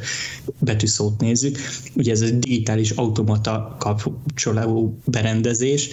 Valójában ugye azt csinálták, hogy megfogták a jól bevált Scharfenberg 10-est és adaptálták a tehervonatok igényeihez Ugye a tehervonat nem mindig az a legfőbb probléma, hogy hol van a vonat vége, illetve hogy mennyire fékez, és hogy ezt akarják ebben kiváltani. Hogy mennyire sikerül, illetve hogy ezt 2030-ra reális-e bevezetni, abban én azért erősen kételkedem. Ennek a rendszernek egyébként most voltak téli tesztjei Ausztriában. Láttam valahol fotókat erről, hogy ott pózoltak valami behavazott rendezőpályaudvaron, hogyha össze van fagyva a fenébe az egész a fenn a hegyekbe, akkor is szét lehet szedni, vagy valami, valami ilyesmi, hogy össze lehet kapcsolni, valami ilyesmi volt a sztori lényege. Tehát, hogy akkor volt szó erről a plastikkártyáról, amit um, olyik helyeken, ahol megfelelően komoly vasútüzem a villamos, ott a villamosvezetők is megkapják. Megfelelő jogosultságokkal, ugye azt beszéltük, hogy biztosít. Mondjuk van az embernek, hogy a típus ismeret erről már volt szó. Mi a helyzet a vonalismerettel így Európán belül a nagyvasúton? Hát válaszoljak én erre a kérdésre. Nagyságrendileg több vonalismerettel rendelkezem, mint König kollégám, ugye már csak az éveimből adódóan, illetve a kalandvágyamból adódóan is. Kicsit kiegészítve az előző témát, a kiegészítő tanúsítványt, ennek ugye a beltartalma azon túl, hogy az ember milyen vizsgákkal rendelkezik, meddig érvényesek ezek a vizsgák, a nyilvántartás, illetve igazolása, a vonalismeret nem szerepel rajta. A vonalismeret az egy, az egy külön történet. A vonalismeretre vonatkozó előírások azok nagyon hasonlók mindhárom országban, tehát Magyarország, Németország, Ausztria. Ugye előírt megfelelő számú utazás letudásával jogosult az ember egy bizonyos vonalismeretnek ugye megszerzésére. Az általában mondhatom úgy mindhárom országban normális esetben egy évig érvényes. Ezen túl vagy végleg, vagy rész részlegesen elveszik, ami azt jelenti, hogy egy, fel, egy vagy több felújító utazással lehet visszaszerezni, de alapvetően elmondható, hogy Németország az egyetlen olyan kivétel, ahol bizonyos szigorú előírások teljesítése esetén, tehát értem ez alatt VMAX 100, amennyiben a munkavállaló ebbe belemegy, amennyiben az úgynevezett útvonalkönyv, vagy nevezhetjük Streckenbuchnak nem tiltja, illetve a közvetlen felettese a munkavállalónak, tehát a Teamlighter, Betriebsleiter vagy hasonló, ezt engedélyezi, vonalismeret nélkül is továbbítható vonat Németország területén, és ehhez nem kell Viszmajor sem. Azért az NKH itt menekülne el sikítva ezen a ponton, vagy, vagy nem is tudom ez? Valószínűleg igen. Aha. Hát nem tudom, azért megmondom őszintén, csodálkozom, hogy nincs emberhalál minden nap, de akkor ezek szerint valahogy csak elketyeg a rendszer. Nyilván, ahol ez, nyilván, ahol ez veszélye járna, ott valószínűleg ezt a Streckenbuch tiltja, tehát ezt elsősorban olyan helyeken alkalmazzák, ahol különösebb nagy veszélyenek nincsen, de nagyon egyszerűnek a magyarázata, azt Köni kollégám mindjárt szerintem elmondja, mert ő sokkal jobban tudja ezeket a számokat, csak vessük össze a vasúthálózat hosszát Magyarországon, Ausztriában és Németországban. Ennyire egyszerű. Ez szintiszta matematika. Nem létezik az az ember, nem született meg, és nem is fog megszületni, aki egy összvonalas német vonalismerettel rendelkezni. Képtelenség. Fizikai a képtelenség. Az országon belül is ugye nagy vasúti hálózaton, és ugye külön vonal is, mert vizsga kell, ugye egy csomó helyre, és nem mindenhova. Ez egyébként Ausztriában, Németországban mennyire ilyen vizsgaköteles, vagy mennyire az a régi rendszer van, ami nálunk is Magyarországon volt, hogy beutaztad, dokumentálták, és boldog vagy? Dokumentálták. Nyilván be kellett utaznod, nyilván, nyilván boldog lettél. Vannak könnyítések, tehát ugye csak 2022-t írunk, van lehetőség videón is megtekinteni egy vonalat, de legalább egy alkalommal saját szemeddel is látnod kell, viszont videós megtekintéssel ki lehet váltani a további egyéb utakat. Tehát olyan Ausztriában nem létezik, olyan nincs, hogy egy olyan vonalra menjél, ahol még az össze sem jártál. Tehát ez, ez itt nem működik. Németországban igen. Azért, azért ez a videó ez érdekes, tehát mert ugye régen, ha jól emlékszem, olyan szabály is volt, hogy egy nappali, meg, vagy hogy, hogy x nappali, meg x éjszakait kellett teljesíteni, de akkor ez sincsen adott esetben. Nincs. Ez egyébként úgy van, hogy ennek egy keveréke akkor, mert uh, nálunk uh, négyszer kell legalább mind a két irányba beutazni, nem mindegy, hogy csak az egyik vagy a, vagy a másik, és, uh, és ebből legalább egyszer sötétben. Úgyhogy legalábbis egyébként, hát ezt most nem tudom, hogy az RHB-je, de szerintem ez országos, tehát hogy ez mindenhol így van, mert ugye ez, ez, ez országos szabályzat. Jó, mondjuk nálatok is kisebb azért a hálózat. Jó, mondj, ja, bocsánat, jó, azért ez, jó, ez, ez lábjegyzet helyzet kívánkozik, mert, mert azért a svájci hálózat az, az nem kicsit, csak úgy értem a kicsit, hogy, hogy egy, egy adott hát igen, nyomtávon kicsi, a... vagy igen, tehát hogy igen, mert hogy annyiféle hát magáncég hát meg nyomtáv. Igen, ahova én járok, az igen, de, de azért a, egy magáncég, vagy egy, vagy egy SBB azért ott azért vannak variációk, de igen. Csak ennyit igen. akartam hozzáfűzni. Német és osztrák oldalon bemondásra megy. Nyilván nem hülye az ember, hogy olyanokat is bediktál, utána mi magát szivatja meg, hogy neki aztán, hogy is mondjam, az unalmas éjszaka hirtelen kalandossá válik, mert azt se tudom, hol vagyok. Be, bemondasz, egy, bemondasz egy Alberget, aminek a Westrámpéje, vagy nem tudom hány 10 kilométer izé, kanyargós, lejtős, mit tudom én mi alagutas. Ez a lényeges különbség, és azt hiszem, hogy félreértetően fogalmaztam, mert alapvetően a német mozdonyvezető az nem egy kamikáza dolgozó, tehát ott is meg van határozva az, hogy melyik irányba, melyik vonalra hány, vonal, hány utat kell teljesíteni. Ez, amit én említettem, ez a kivét kivétel. Tehát alapesetben nyilván úgy dolgozik a, a mozdonyvezető, hogy van vonalismertet, de amennyiben úgy alakul, hogy egy umlájtunk keretében más irányba kéne menni, akkor addig, amíg Ausztriában én azt mondom, hogy jó, akkor itt le is tehet a szolgáltom, küldjetek egy leváltót, addig Németországban, ha ezek a bizonyos feltételek teljesülnek, minden további nélkül elmehetek, hiszen a hálózat nagyságából adódóan számtalan variációs lehetőség van A és B pont között. Számtalan. És egyébként ez a lezárjuk a mozdonyt és hazamegyünk, ezt erről nem beszéltünk ugye a munkakörülményeknél, de ugye ez a B. Ignác effektus, ez, ez mennyire jellemző a, a benszülött idézőjebe osztrák vagy, vagy német mozdonyvezetőkre, tehát ők, ők is azért igyekeznek addig menni, amíg, amíg van értelme letenni a fuvart valahol, vagy, vagy ha olyan van, akkor ők órapercre leteszik. Van, vannak ilyen archetípusok, vagy, vagy nem lehet ezt mondani, és itt is mindenki egyéni tempójának megfelelően végzi ezt? Abszolút ez habitustól függ alapvetően, de azt gondolom, hogy általánosságban elmondható, hogy senki nem ellenséges saját magának, hiszen hogyha egy, egy túlvezetés következik be, amiért csak és kizárólag ő a felelős, akkor ő is tesz felelősségre vonva.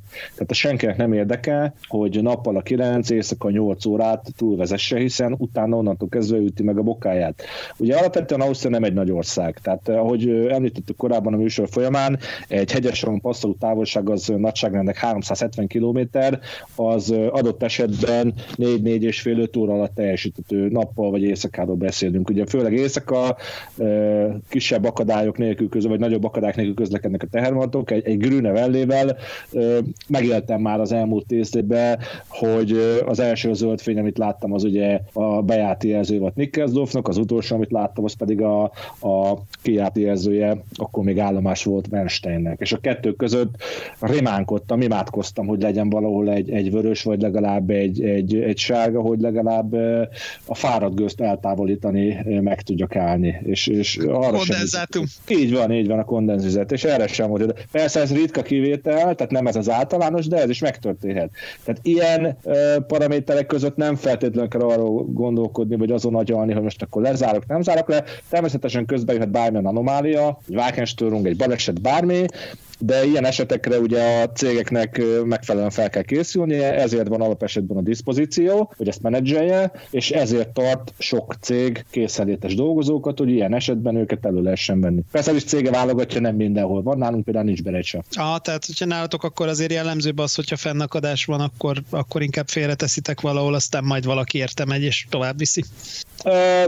Igen, ideális esetben, egy ideális világban ez így történne, csak egy korábbi érintett témára visszakanyarodva, ugye az sem egy, egy egyszerű történet, hogy mondjuk én, mint magánvasutas dolgozó, hol zárom le a vonatom, hol zárhatom le a vonatomat, hiszen ehhez kell az ÖBB infra hozzájárulása, hogy azt mondja nekem, hogy jó, akkor ezen az állomáson itt, ezen a vágányon a, mozdony, a vonatodat lezárhatod.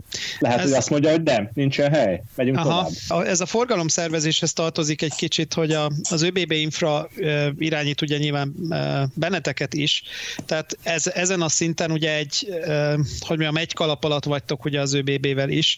Én azt vettem észre, most megint provokatív leszek, ezt a saját külsős szemszögemből idézőjelbe dobom be, azt vettem észre, hogy az ÖBB azért alapvetően jobban igyekszik pörgetni a forgalmat, mint például a, a MÁV Infra. Uh, nyilván lehet itt, itt a, a CD, a CD például a, a, a hogy, hogy is hívják a SGDC, a, a Railway Infrastructure Operator, SGDC. Csepályavasút, ott is azt vettem észre, hogy alapvetően igyekeznek pörgetni a forgalmat, tehát ritkábban lát az ember olyat, hogy olyan, hogy mondjam, nem történik semmi jelleggel állnak a tehervonatok, vagy, vagy, vagy megfog a bejár járaton, vagy, vagy ilyesmi, hogy magánvasúti mozdonyvezetői szemszögből mennyire tudtok erről nyilatkozni, hogy néz ki az osztrák forgalmi a dinamikája, meg, meg mondjuk a magyarnak a dinamikája. Van különbség, vagy ez inkább szubjektív? Ausztriában az infrastruktúra elég jó. Itt megvannak a technikai feltételei, hogy tényleg guruljon minden. Szubjektív véleményem, sokszor viszont egy német forgalmista jobban kezeli a dolgokat. Tehát amikor százzal haladok, és megfog a tehervonattal azért, hogy a tároló vonalonról behozzon Amstettenbe egy szemét, akkor úgy izé, tudom emlegetni XYZ-nek a felmenőit. A németeknél kicsit nem rosszabb, hogy is mondjam, előregedettebb az egész hálózat, de a mérete miatt is, ugye előbb itt szóba került pár perccel ezelőtt itt a számok, tehát a német hálózat közel 40 ezer kilométer, nem tudom most pontosan az adatot, nagyságrendileg, az osztrák meg nálunk, a magyarnál is kevesebb.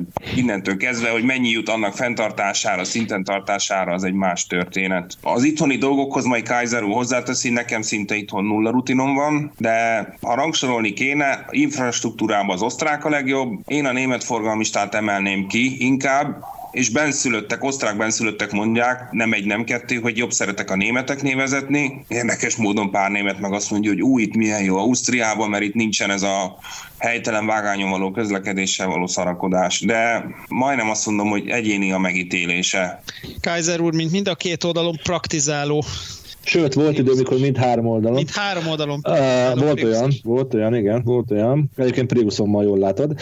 Uh, tényleg tisztelettel uh, hardveresen mindenképpen uh, magyar szemmel nézve felfoghatatlan előnyben van az osztrák pályavasút. Tehát elképesztő technikai fejlettség, épésszel felfoghatatlan összegeket költöttek rá az elmúlt években. Szerintem, ha, ha csak azt mondom neked, vagy, vagy te is magad is látod, hogy hány vágány van Szánkpöltentől nyugatra? Igen, van, van miből válogatni, hogyha négy. van, igen, lehet. Miért van négy? Mert Ausztria felfogta, hogy ők is egy tranzitország, ugyanúgy, ahogy Magyarország is ezt mondjuk a tranzitország vagyunk, ehhez képest mindent megteszünk, hogy a vonat az ne guruljon. Ők rájöttek arra, hogy ha investálnak a vasútba, négy vágányon kétszer annyi vonat fog tudni elhaladni, mint két vágányon, kétszer annyi bevételt fog termelni. Hát szerintem ennél beszédesebb választ nem nagyon kell erre a, a kérdésre. A humán oldal az egy picit sánti, az elmúlt közel tíz évet tapasztalatából azt tudom mondani, hogy némileg uh, romlott a, a szakma színvonala, fogalmazunk így. Sok esetben, ahogy az előbb említette König kollega is, sok esetben tetten érhető az emberi hozzá nem értésnek a, a, a nyoma. Például egy, egy, ilyen, egy ilyen történet, hogy, hogy most már évek óta közlekedünk kettős menetrenddel, ugye amennyiben a vonat korábban vagy menetrendszerűen közlekedik, akkor kisebb sebesség van számára bizonyos szakaszokon előírva, azért, hogy energiát takarítsunk meg. Ez az energiás párrende üzemmód, illetve fáplán. Na most mindezt az energiát, amit én megtakarítottam az elmúlt 200 kilométeren, azt lehet, hogy el fogom égetni azért, mert XY állomás bejárt érzőnél megállította azért a forgalmista, hogy a tartalékot áttegye az első vágányról a 9 És ez napi szinten előfordul. Azért ez eléggé lelombózott, demoralizáló, és eléggé elveszi az embernek. Nekem legalábbis személy szerint elvette a kedvemet attól, hogy környezettudatosan vezessek. Jó, ettől függetlenül nem vagyok szakbarbár, tehát a villamosféknek a használatát, főleg a 240 kN a használatát azt, amikor csak lehet, azt alkalmazom, főleg ugye hegymenetben, tehát a Brandel Tauern, Pürnbán, ezek az ilyen olyan kisebb-nagyobb dombok, ez itt, itt nagyon-nagyon fontos, ez sőt, kell is, előírás. Úgyhogy erre én megpróbálok odafigyelni, ez egy ilyen tudatos dolog, egy ilyen tudatos berögződés nálam. Igazából a német vasútnak a nagy hátulütő, amit említett a kollega is, hogy úgy, ugye a, a helytelen vágányon való közlekedés az egy, az egy külön történet, az egy, az egy nagyon bonyolult. Abból kifolyólag, mert hogy ott nincsenek legtöbb esetben jelzők. És az mint Franciaország, nem, hogy nincsen bejelzőzve a legtöbb kétvágányú fővonal, csak egyik irányba van rendesen bejelzőzve, és Így van. akkor ott... Aha. Így van. Ez Így van. franciáknál, franciáknál gyakori probléma. Így van, igen, komoly előírások vonatkoznak arra, hogy, hogy, hogy milyen esetekben és milyen előírásokkal és milyen előzetes tevékenységet követően mehetsz egyáltalán a helytelen vágánál. Ebből kifolyólag nyilván azt próbál elkerülni, és ebből adódik ugye az is, az osztrák vasút nagy előnye a némethez képest, hogy itt egy tehervonattal közlekedés, egy előzés, egy minden megálló személyvonatnak az előzése sokkal hamarabb bekövetkezik Ausztriában, mint Németországban. Tehát nekem személyes élményem volt 200 km per órás gépmenet volt megrendelve, Münchenből kellett átvinnem a, a mozdonyt Nürnbergbe, és LCB pályán kiválóan 200 közlekedtem, lementem az LCB pályáról, Ingolstadtból induló személyvonat kiválóan bekerült elém, és onnantól kezdve átlag 60 km per órával Nürnbergig. Tehát szerintem ezt nem kell... Az nem szép, az nem szép, és Ausztriában, Ausztriában mennyire irányít a gép? Mert ugye erről beszéltünk külön is, vagy, vagy kettesben is beszéltünk erről, hogy ugye az ÖBB infrának van olyan számítógépes irányító rendszere, ami kvázi maga is el tudna egy terepasztalozni vonatszám alapján, meg, meg menet, alapmenetrend alapján azt azért lehet látni, hogy a gép irányít nem. Ugye jönnek a, jönnek a különféle TCS táviratok, hogy jó, akkor most vöröset kaptál, de ekkor indulsz tovább óra perc, és tényleg akkor indulsz tovább óra perc. Tehát ha hagyják a gépet üzemelni, akkor azért az ÖBB tényleg előnyben van, nem?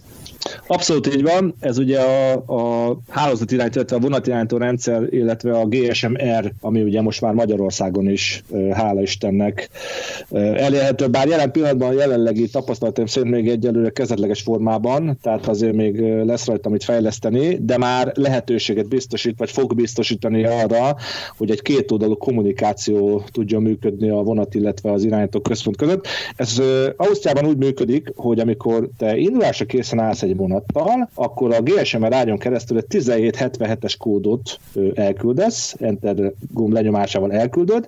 Ez a 1777-es kód ennek a bizonyos szoftvernek, ennek a bizonyos automata vonatirányító hálózatnak, ez egy Enter billentyű lenyomásán felel meg, és onnantól kezdve akár további emberi beavatkozás nélkül a vonatot a kiinduló állomásról a célállomásig eltovábbítja. Természetesen bármikor saját belátása szerint bármelyik illetékes elvtársába beavatkoz hozhat, és meg is teszik elég gyakran, sajnos hozzá kell tennem, mert ezt rögtön észre is lehet venni, hogy ebben az esetben hátrányára változnak a, a vonat közlekedési paraméterei, illetve, ami még ugye a GSM-nek egy óriási nagy előnye, hogy ha kihasználják ezt a kommunikációs csatornát, ők, ők, illetve a program is tud üzeneteket küldeni, amik a te energiatakarékos, környezetbarát vezetési stílusodat támogatják. Tehát lassabban menj, gyorsabban menj, adott esetben akár az is előfordul, hogy fölhív egy irányító, hogy figyelj, ha innentől kezdve mondjuk 75-tel mész eddig, akkor úgy fogjuk tudni lebonyolítani a keresztezést a következő állomásra, se neked nem kell megállnod, se a szembejöve vonatnak. Tehát ez a lehetőség megvan, és én azt kívánom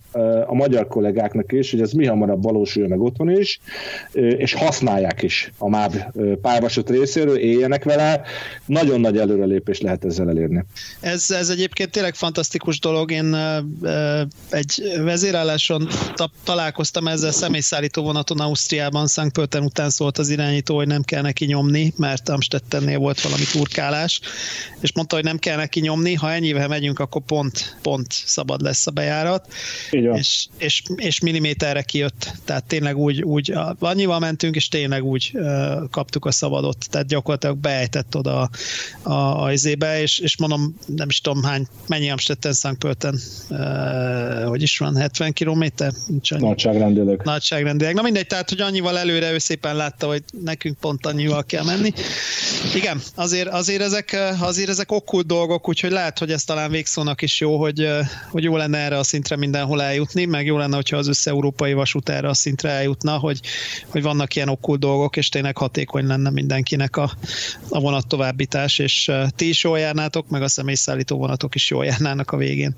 Európai átjáratóság, akár a listám, akár nem, azért azt én röhelynek tartom, hogy Ausztriában van LCB vizsgám, ami hardware ugyanaz, mint a német, de németeknél az nem használható. És a német LCB vizsga se jó itt. És az LTCS hát ugyanez. Ez, na az hát LTCS jó, meg akkor... Detto. Csak, csak a Németországról nem beszél, én ugye mit tudom én, milyen IC vonalakon oda bejár, hozzáférésünk sincs, tehát legalábbis hát, a... magam részéről Kaiser úr lehet, hogy kalandvágyból már belesodródott ebbe abba, de... Ezt sokan hallgatják ezt a műsort, úgyhogy ezeket nem mondják. Szóval az LTCS-ről csak annyit, hogy volt szintén egy cikk, ugye ez a Wendlingen Ulm, amit most decemberben fognak átadni menetrendváltással. Ehhez kapcsolódóan ugye turkáltam a internet mélyebb és még mélyebb bugyraiban. Találtam egy kettő órás videóanyagot, ez egy ilyen kvázi konferencia, ugye bemutatták, hogy miről szól a projekt, meg hogy, meg mint, mik a jelenlegi állapot, a jövőbeli állapot, kilátások egyéb, és ott elhangzott a projekt vezető szájából, hogy igaz, hogy ez egy tavaly decemberi felvétel, de akkor azt mondta, hogy jelenleg még nem látják a megoldást, hogy hogyan lehet megoldani azt, hogy erre a pályaszakaszra legyenek érvényes mindenféle engedélyei rendelkező járművek és emberek, mert ugye a Németországban az a jelenleg fennálló szabályzat, hogy a pályára kell a járműnek, illetve a pályára kell az embernek is papírja legyen. Tehát ott, és ott elmondja, hogy van ugye a VDE 8, tehát ez a Berlin-München Erfurton át, hogy ezen a pályán fognak kísérletezni, illetve miután ez túlterhelt, úgymond, ezért a frissen kiépített Berlin-Dresdán kísérleteznek majd, és ezt állítólag több tonnányi papír előállításával kellett lepapírozni a, a EBA számára, hogy már pedig ezeknek a vonalaknak a kiépített rendszeri az utolsó betűig azonos szoftverrel rendelkeznek, és elhitték, úgyhogy most állítólag azon megy a játék, hogy meg kell szerezni idén év végéig minden egyes ICE garnitúrának, illetve az embereknek, akik ott fognak járni, mindenféle jogosítást. Tehát, hogy ennyire átjárhatatlan az LTCS.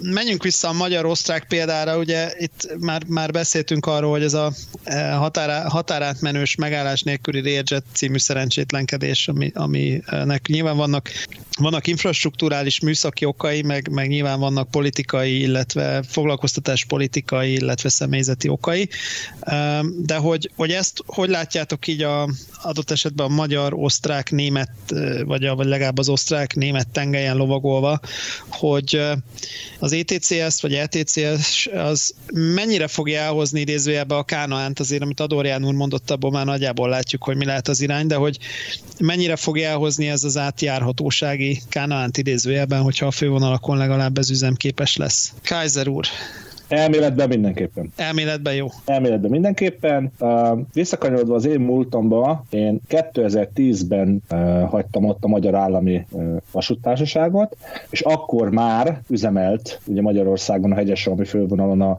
az RTCS-nek a, az egyes szintje. Tehát ez már egy elég régi történet. Uh, a túloldalon Nikkelsdorf és Bécs között szintén az osztrák 118-as vonalon az egyes szint akkoriban talán még működött, most már jó pár éve ez üzemen kívül van, egy igen komoly felújításra, illetve tulajdonképpen átépítésre szorulna, és maga ugye ez a mozaik szó European Train Control System, hogyha jól tévedek, az hiszem ez ennek a, a rövidítése. Maga az elv szuper, tehát lehetne egy olyan sikersztori, mint például a kártyajogosítványunk, de nem az. Itt az élő példa, az én magyar RTCS vizsgámat Ausztriába nem fogadták el. Tehát nekem újból meg kellett csinálnom mind a level 1-re, mind a level 2-re külön a vizsgát. Ezzel a level 1 és level 2 vizsgával, amit én Ausztriában szereztem, Németországban nem közlekedhetnék RTCS pályán, hanem ott újból meg kellene csinálnom. Tehát jelen pillanatban nincsenek meg a a jogszabályi háttere sincs meg, a műszaki háttere sem igazából meg. Ugye az alapvető probléma, ha eljátszunk ezzel a gondolattal, hogy belépne mondjuk egy Railjet Nikkelsdorf felől Magyarországra, és ugye szeretne ott tovább haladni. Ugye Bécstől uh, még ugye közlekedik PCB-vel, vagy más neven Indozival. Hegyeshalomba ugye át kell álljon a magyar LVM-re. Ez a Railjet mozdonyokon, ez úgy néz ki, hogy ugye ez mozdonyvezető rendszert vált, tehát ÖBB hálózatról magyar hálózatra áll át, akkor a Mirel lefuttat egy úgynevezett D1-es tesztet, aminek többek között része a fővezetéknek a megcsapolása is. Tehát magyarán ez menet közben semmiféleképpen nem kivitelezhető. Mindenképpen meg kell állni. Innentől kezdve pedig már borult az egész történet. Tehát itt a megoldás az az lenne, hogy mind a két oldalon működő RTC-snek kellene rendelkezésre állnia, mind az osztrák, mind a magyar oldalon. Ekkor már meglennének a műszaki feltételek. Egyébként aki jár Hegyeshalom állomás körzetében, ott észre is vehette, hogy nem olyan régen, egy-két évvel ezelőtt bekerült egy kiegészítő fázishatár az állomásnak a, az osztrák végén. Ez pont ez miatt, pont ebből a, az elgondolásból. Tehát úgy mondom, műszaki feltételek lennének könnyebben előállíthatóak. Aztán utána már, hogy a személyzet az hogyan néz neki, hogy a mozdonyvezető, a vonatkísérő személyzet, a ellátás, az írásbér rendelkezésre ellátás valószínűleg van. Igen, bocsánat, arra, arra van megoldás, sőt olyannyira, hogy ez már ugrásra kész volt ez a megoldás. A Gyesev adná, vagy adja Bécs és, Bécs és Győr között mind a, a vonatkísérő személyzetet, mind a mozdonyvezetőt, tehát az, az sikerült már lefocizni. Tehát ha még vízber oldalról ez valahogy meg is oldódna, akkor itt egyéb fuvarokmányok kapcsán is nem ártana fejekbe rendet tenni, meg a, mint a listámon volt az egységes EU fékutasítás, élő példával mondom. Passzóból jövök be, Ausztria fele. Mindenképp meg kell állnom, ki kell nyomtatni egy kocsilistát Ausztriába, ez a németeknél jó e-mailbe, elektronikusan. A fékutasítás ott lép be, ha 1601 tonnás a történet, akkor a némettől tiszta G-be jön be, van egy osztrák kibúvó, rugdoshatom át P-be, papírforma ah. szerint Magyarországon újra vissza kéne állítani G-be, de van egy úgynevezett bizalmi elv, így úgy hagyják, szóval tehát meredek, akkor igen, meredek, meredek, etéren a magyar, azt nevezhetném, hogy rugalmas, mert ha G-be hagyom, akkor 90-es az adott vonat, ha meg, vagyis hát, hogyha G-be visszarugdossák, 90-es marad az adott vonat, hegyes halomtól befelé, ha meg úgy marad, hogy bejön az osztrák bizalmi elv, akkor százas. Tehát most lehet, a... hogy a, a, a KTI most küldi a fekete autót, de nem érdekel, mert ez a valóság. Jó, világos, és ennek kellene idézőjeben olyan szempontból lenni a valóságnak, hogy azért ez röhelyes, hogy, hogy van egy viszonylag modern teherkocsikból, tehát nem 40 éves EAS vagy, vagy 60 éves gapskocsikból, vagy gakskocsikból álló szerelvényed, hanem van ugye egy adott esetben egy ilyen, egy ilyen zsebes kocsik, vagy mi a fene ez, a, ilyen, ilyen kamion félpoltkocsi. Tassenwagen, igen, zsebes kocsi, ilyen, ilyen kamion félpoltkocsi szállító szerelvényed, ami Németországban, jól tudom, még 120-szal is elgurigázhat, és akkor megérkezünk, a, megérkezünk Ausztriába, és akkor neked passzokban végig kell sétálnod adott esetben átrugdosni G-ből P-be. Vagy Pedig a, a fölfelé irány, bocsánat, még most nagyon a nyelvemen van, ott van időben a vonat, nekünk ugye van egy tervezet, minden vonatra egy tervezett idő, ott van időben, vagy még idő előtt, de nem jó a sorrend, akkor az ember az ÖBB-től, Klederingtől kéri az új listát. Na most ez szélsőséges esetben a pontos vonatot akár három órával is elverik. Vagy Már uh, mi, mi, nem jó a, mi nem jó Nem jó a sorrend, nem jó az izé, ha van benne rid, akkor nem árt, ha ú, ú, úgy van a papíra, hogy a valóság.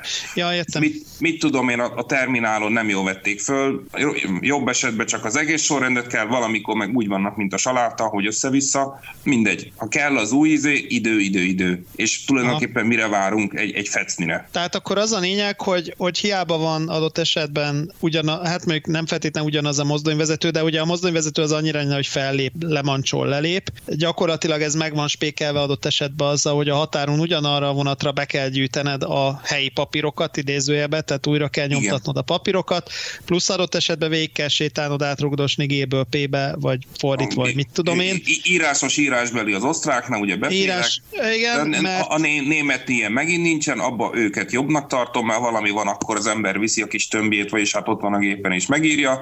Aha. Összefoglalva egy mondatba, esetleg hiába tudná a technika, több áramnemű mozdony, és a Bizber RTCS, a bürokrácia úgyis elkántol mindent. Aha. Tehát, tehát mondhatjuk azt, hogy még a német-osztrák átmenet, ami idézőjeben steril nyelvi Ez szempontból, szó, szó. meg hát ja, már, már most műszaki, meg nyelvi szempontból értem, hogy a, a vonat befolyásoló a feszültség, a nyelv, jó az utasítás nyilván nem, de egy csomó dolog azért viszonylag steril, tehát nem egy, nem egy román-magyar átmenet mondjuk. Gyakorlatilag ott sem lehet nagyon gyorsan átdobni a vonatot, mert vannak ezek a ki tudja honnan származó arhaikus dolgok még. Így van. Azért ez nem, ez nem szép, tehát ez, ez elég lesújtó, és nyilván ezt jobban látjátok, mint adott esetben egy, egy, egy személyvonati mozdonyvezető. Ott azért ez talán jobban ki van dolgozva, mert úgyis meg kell állni a legtöbb határállomáson, meg, meg ott azért gyorsabban flottul megy a dolog. A, a személyvonattól nem lehet ezen a téren valamit tanulni? Miért, miért rosszabb a tehervonat? Most nagyon provokatív, laikus szemszögből nézve. A rakomány. Mert egy, a rakomány, oké, rendben, de egy, egy IC-t át tudok adni, passzokba át tudok adni két perc alatt egy IC-t. Egyik mozdonyvezető leszáll, másik felszáll. Persze, persze, viszont a tehervonat személyvonaton, ugye, ahogy említette a kollégám, és adott esetben ugye rid áru is van, veszélyes áru, és annak Aha. azért igen komoly kötelmei vannak, hogy hogy miként, miként nem. Tehát azért ott az nem annyira egyszerű.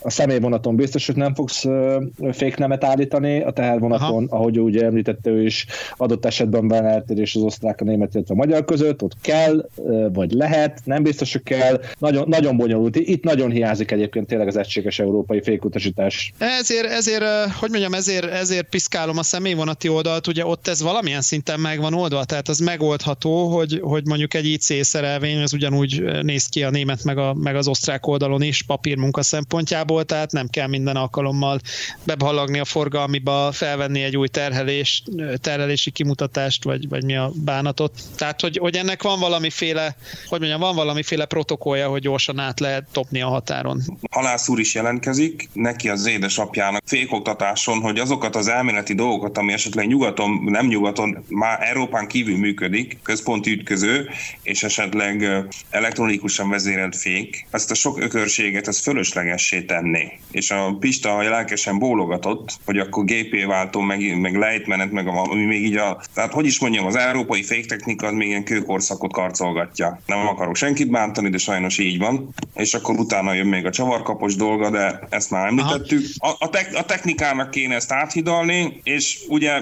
vagy egyszerre mindenki, vagy senki se. Szóval Aha. talán ezért tartunk még itt. Tehát akkor, akkor végül is, hogyha nagyon lecsupaszítjuk, e, akkor amit leginkább jelen környezetben olcsón idézőjelben meg lehetne lépni, az ugye egy fékutasítás, tehát a, az a féktechnikai része a dolognak, illetve a bürokrácia, tehát a papírmunkának az elektronizálása, illetve a, az összehangolása az országok között, ezt hallom ki ebből. Személyforgalommal azért nehéz ezt összehasonlítani, mert azért a határátlépő személyforgalomban most már egyre inkább, ugye főleg Nyugat-Európában zárt motorvonatokról beszélgetünk, ugye akár ugye a TGV-re, ha gondolsz, akár az IC-ekre, és ugye itt, amit ugye a srácok is mondtak, hogy ugye egy tehervonatnál viszont gyakorlatilag millió egy darabból áll össze a rendszered, valahogyan összelegózzák, valahogy valamivel meg van pakolva, valamilyen igen. árut viszed, és a személyvonatnál ugye a rakományod az relatíve egységes. Igen, igen, valamennyi Tehát, a súlya, így van, valamennyi a súlya, az... vagy ennyi a súlya, vagy annyi a súlya. Igen. Vagy de... ilyen típusú kocsik, vagy olyan típusú kocsik, igen. míg egy PBK a Talis az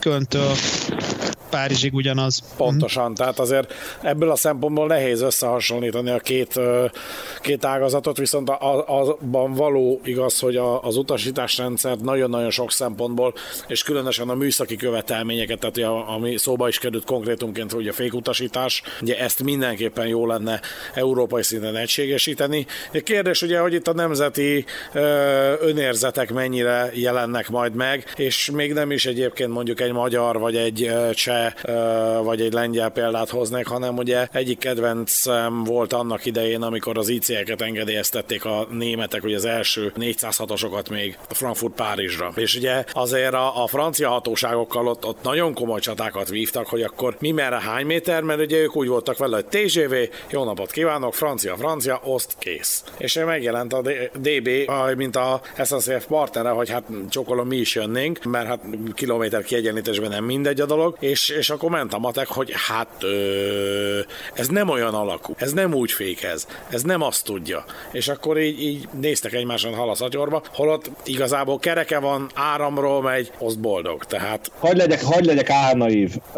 Ez az imént említett központi vonóütköző készülék, ez nem csak azt fogja elhozni magával, hogy nagyobb vonatterést fogunk tudni elérni, hanem egyúttal adattovábbításra is alkalmas lesz, és mondjuk azt, hogy látom a távoli fényt a hosszú alagút végén, ha ez egyszer működni fog, akkor ugye amellett, hogy segít a kínzó munkaerőhiányon, mert ugye nyilván ez is a célja, ez is a célja, ad egy esélyt ennek a történetnek. Mert ha bekerültek a rendszerbe az adatok valahol, a kiinduló állomáson, Aha. akkor onnantól kezdve, még akár abban az esetben is, hogyha kocsit sorozunk ki, vagy kocsit sorozunk be, akkor a kocsi felveszi magát ebbe a rendszerbe, vagy a kocsi kisorozza magát ebből a rendszerből. Tehát egy ilyen, tudunk... egy ilyen campusos rendszerről beszélsz, hogy akkor te az egész végig tudj beszélni, hogy én ez a kocsi vagyok, én Így vagyok, van. De, de okos tehervonat. Tehát amellett, hogy, amellett, hogy, egy, amellett, hogy egy, egy fix helyről szabályzott fékpróbát mondjuk le tudunk vele bonyolítani, és megsporoltuk a kocsivizsgálót, amellett, hogy ugye önállóan vagy vezérelve oldjuk ezt a kapcsolatot, vagy létesítjük ezt a kapcsolatot, meg, megsporoltuk a tolató személyzetet, megsporoltuk a gurító dombi személyzetet, amellett Emellett megsporoljuk a vonatfelvevőket is, hiszen rendelkezésünkre állnak az adatok. Ugyanúgy, ahogy két mozdonyt, amikor tandembe teszek és kommunikálnak egymással, és látom a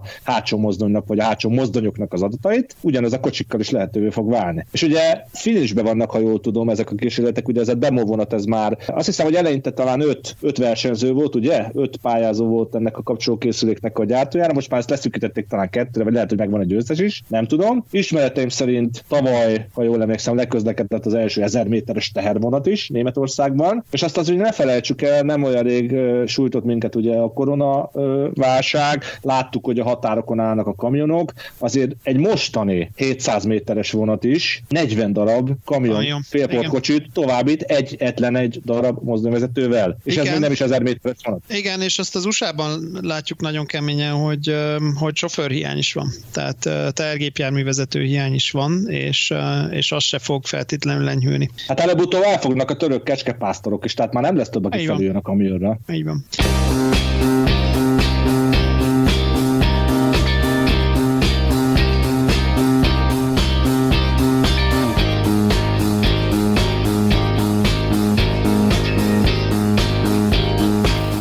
Hát egészen császár és királyi történetek hangzottak el itt, Lajtán innen és túlról. Köszönjük szépen megjelent vendégeinknek, a Kaisernak és a Könignek. Uraim, köszönjük, hogy rendelkezésünkre álltatok. Sok balesetmentes kilométert kívánunk, meg Köszönjük pontos, szépen. rendes menetrendszerű kilométert. Köszönjük. És Köszönjük. eseménymentes közlekedést kívánunk a továbbiakra is. Mi pedig megköszönjük az önök kitüntetős megtisztelő figyelmét. Várjuk a kommenteket, kérdéseket, észrevételeket, és kommentelésre búzítom egyébként a hallgatókat. Kérdezzetek, és szerintem vissza fogunk még térni a mozdonyvezető kollégákhoz, főleg, hogyha ugye sok-sok érdekes és jó kérdés érkezik majd. A regionálban Facebook oldalán van erre lehetőség. A korábbi és a mostani adás is meghallgatható a közvetlenkocsi.hu weboldalon, illetve a regionálban oldalán valahol mindenütt, ahol podcast elérhető, kezdve a Spotify-tól, Google Podcast-on át egészen az Apple Podcastig. A feliratkozás szabaddá tesz. És Zolit még mindig nem találjuk meg, úgy érzem az Instagramon sem. Lassan már a Facebookot sem merem kinyitni. Dénes kollégán közben eltűnt, nem vitte el a fekete autó, egyszerűen csak Rádölt a, a mobilvétel, de az ő nevében is köszönjük a kitüntetős megtisztelő figyelmet. Az asztaltársaságból viszont még itt maradt Vecsésről. Adorján Péter. Brukkander Lajtából. Magyar is Zoltán. És Rákos Csaváról. Meller Marcel. És a szerkesztő Zuglóból köszönöm a figyelmet. Viszont hallásra, sziasztok!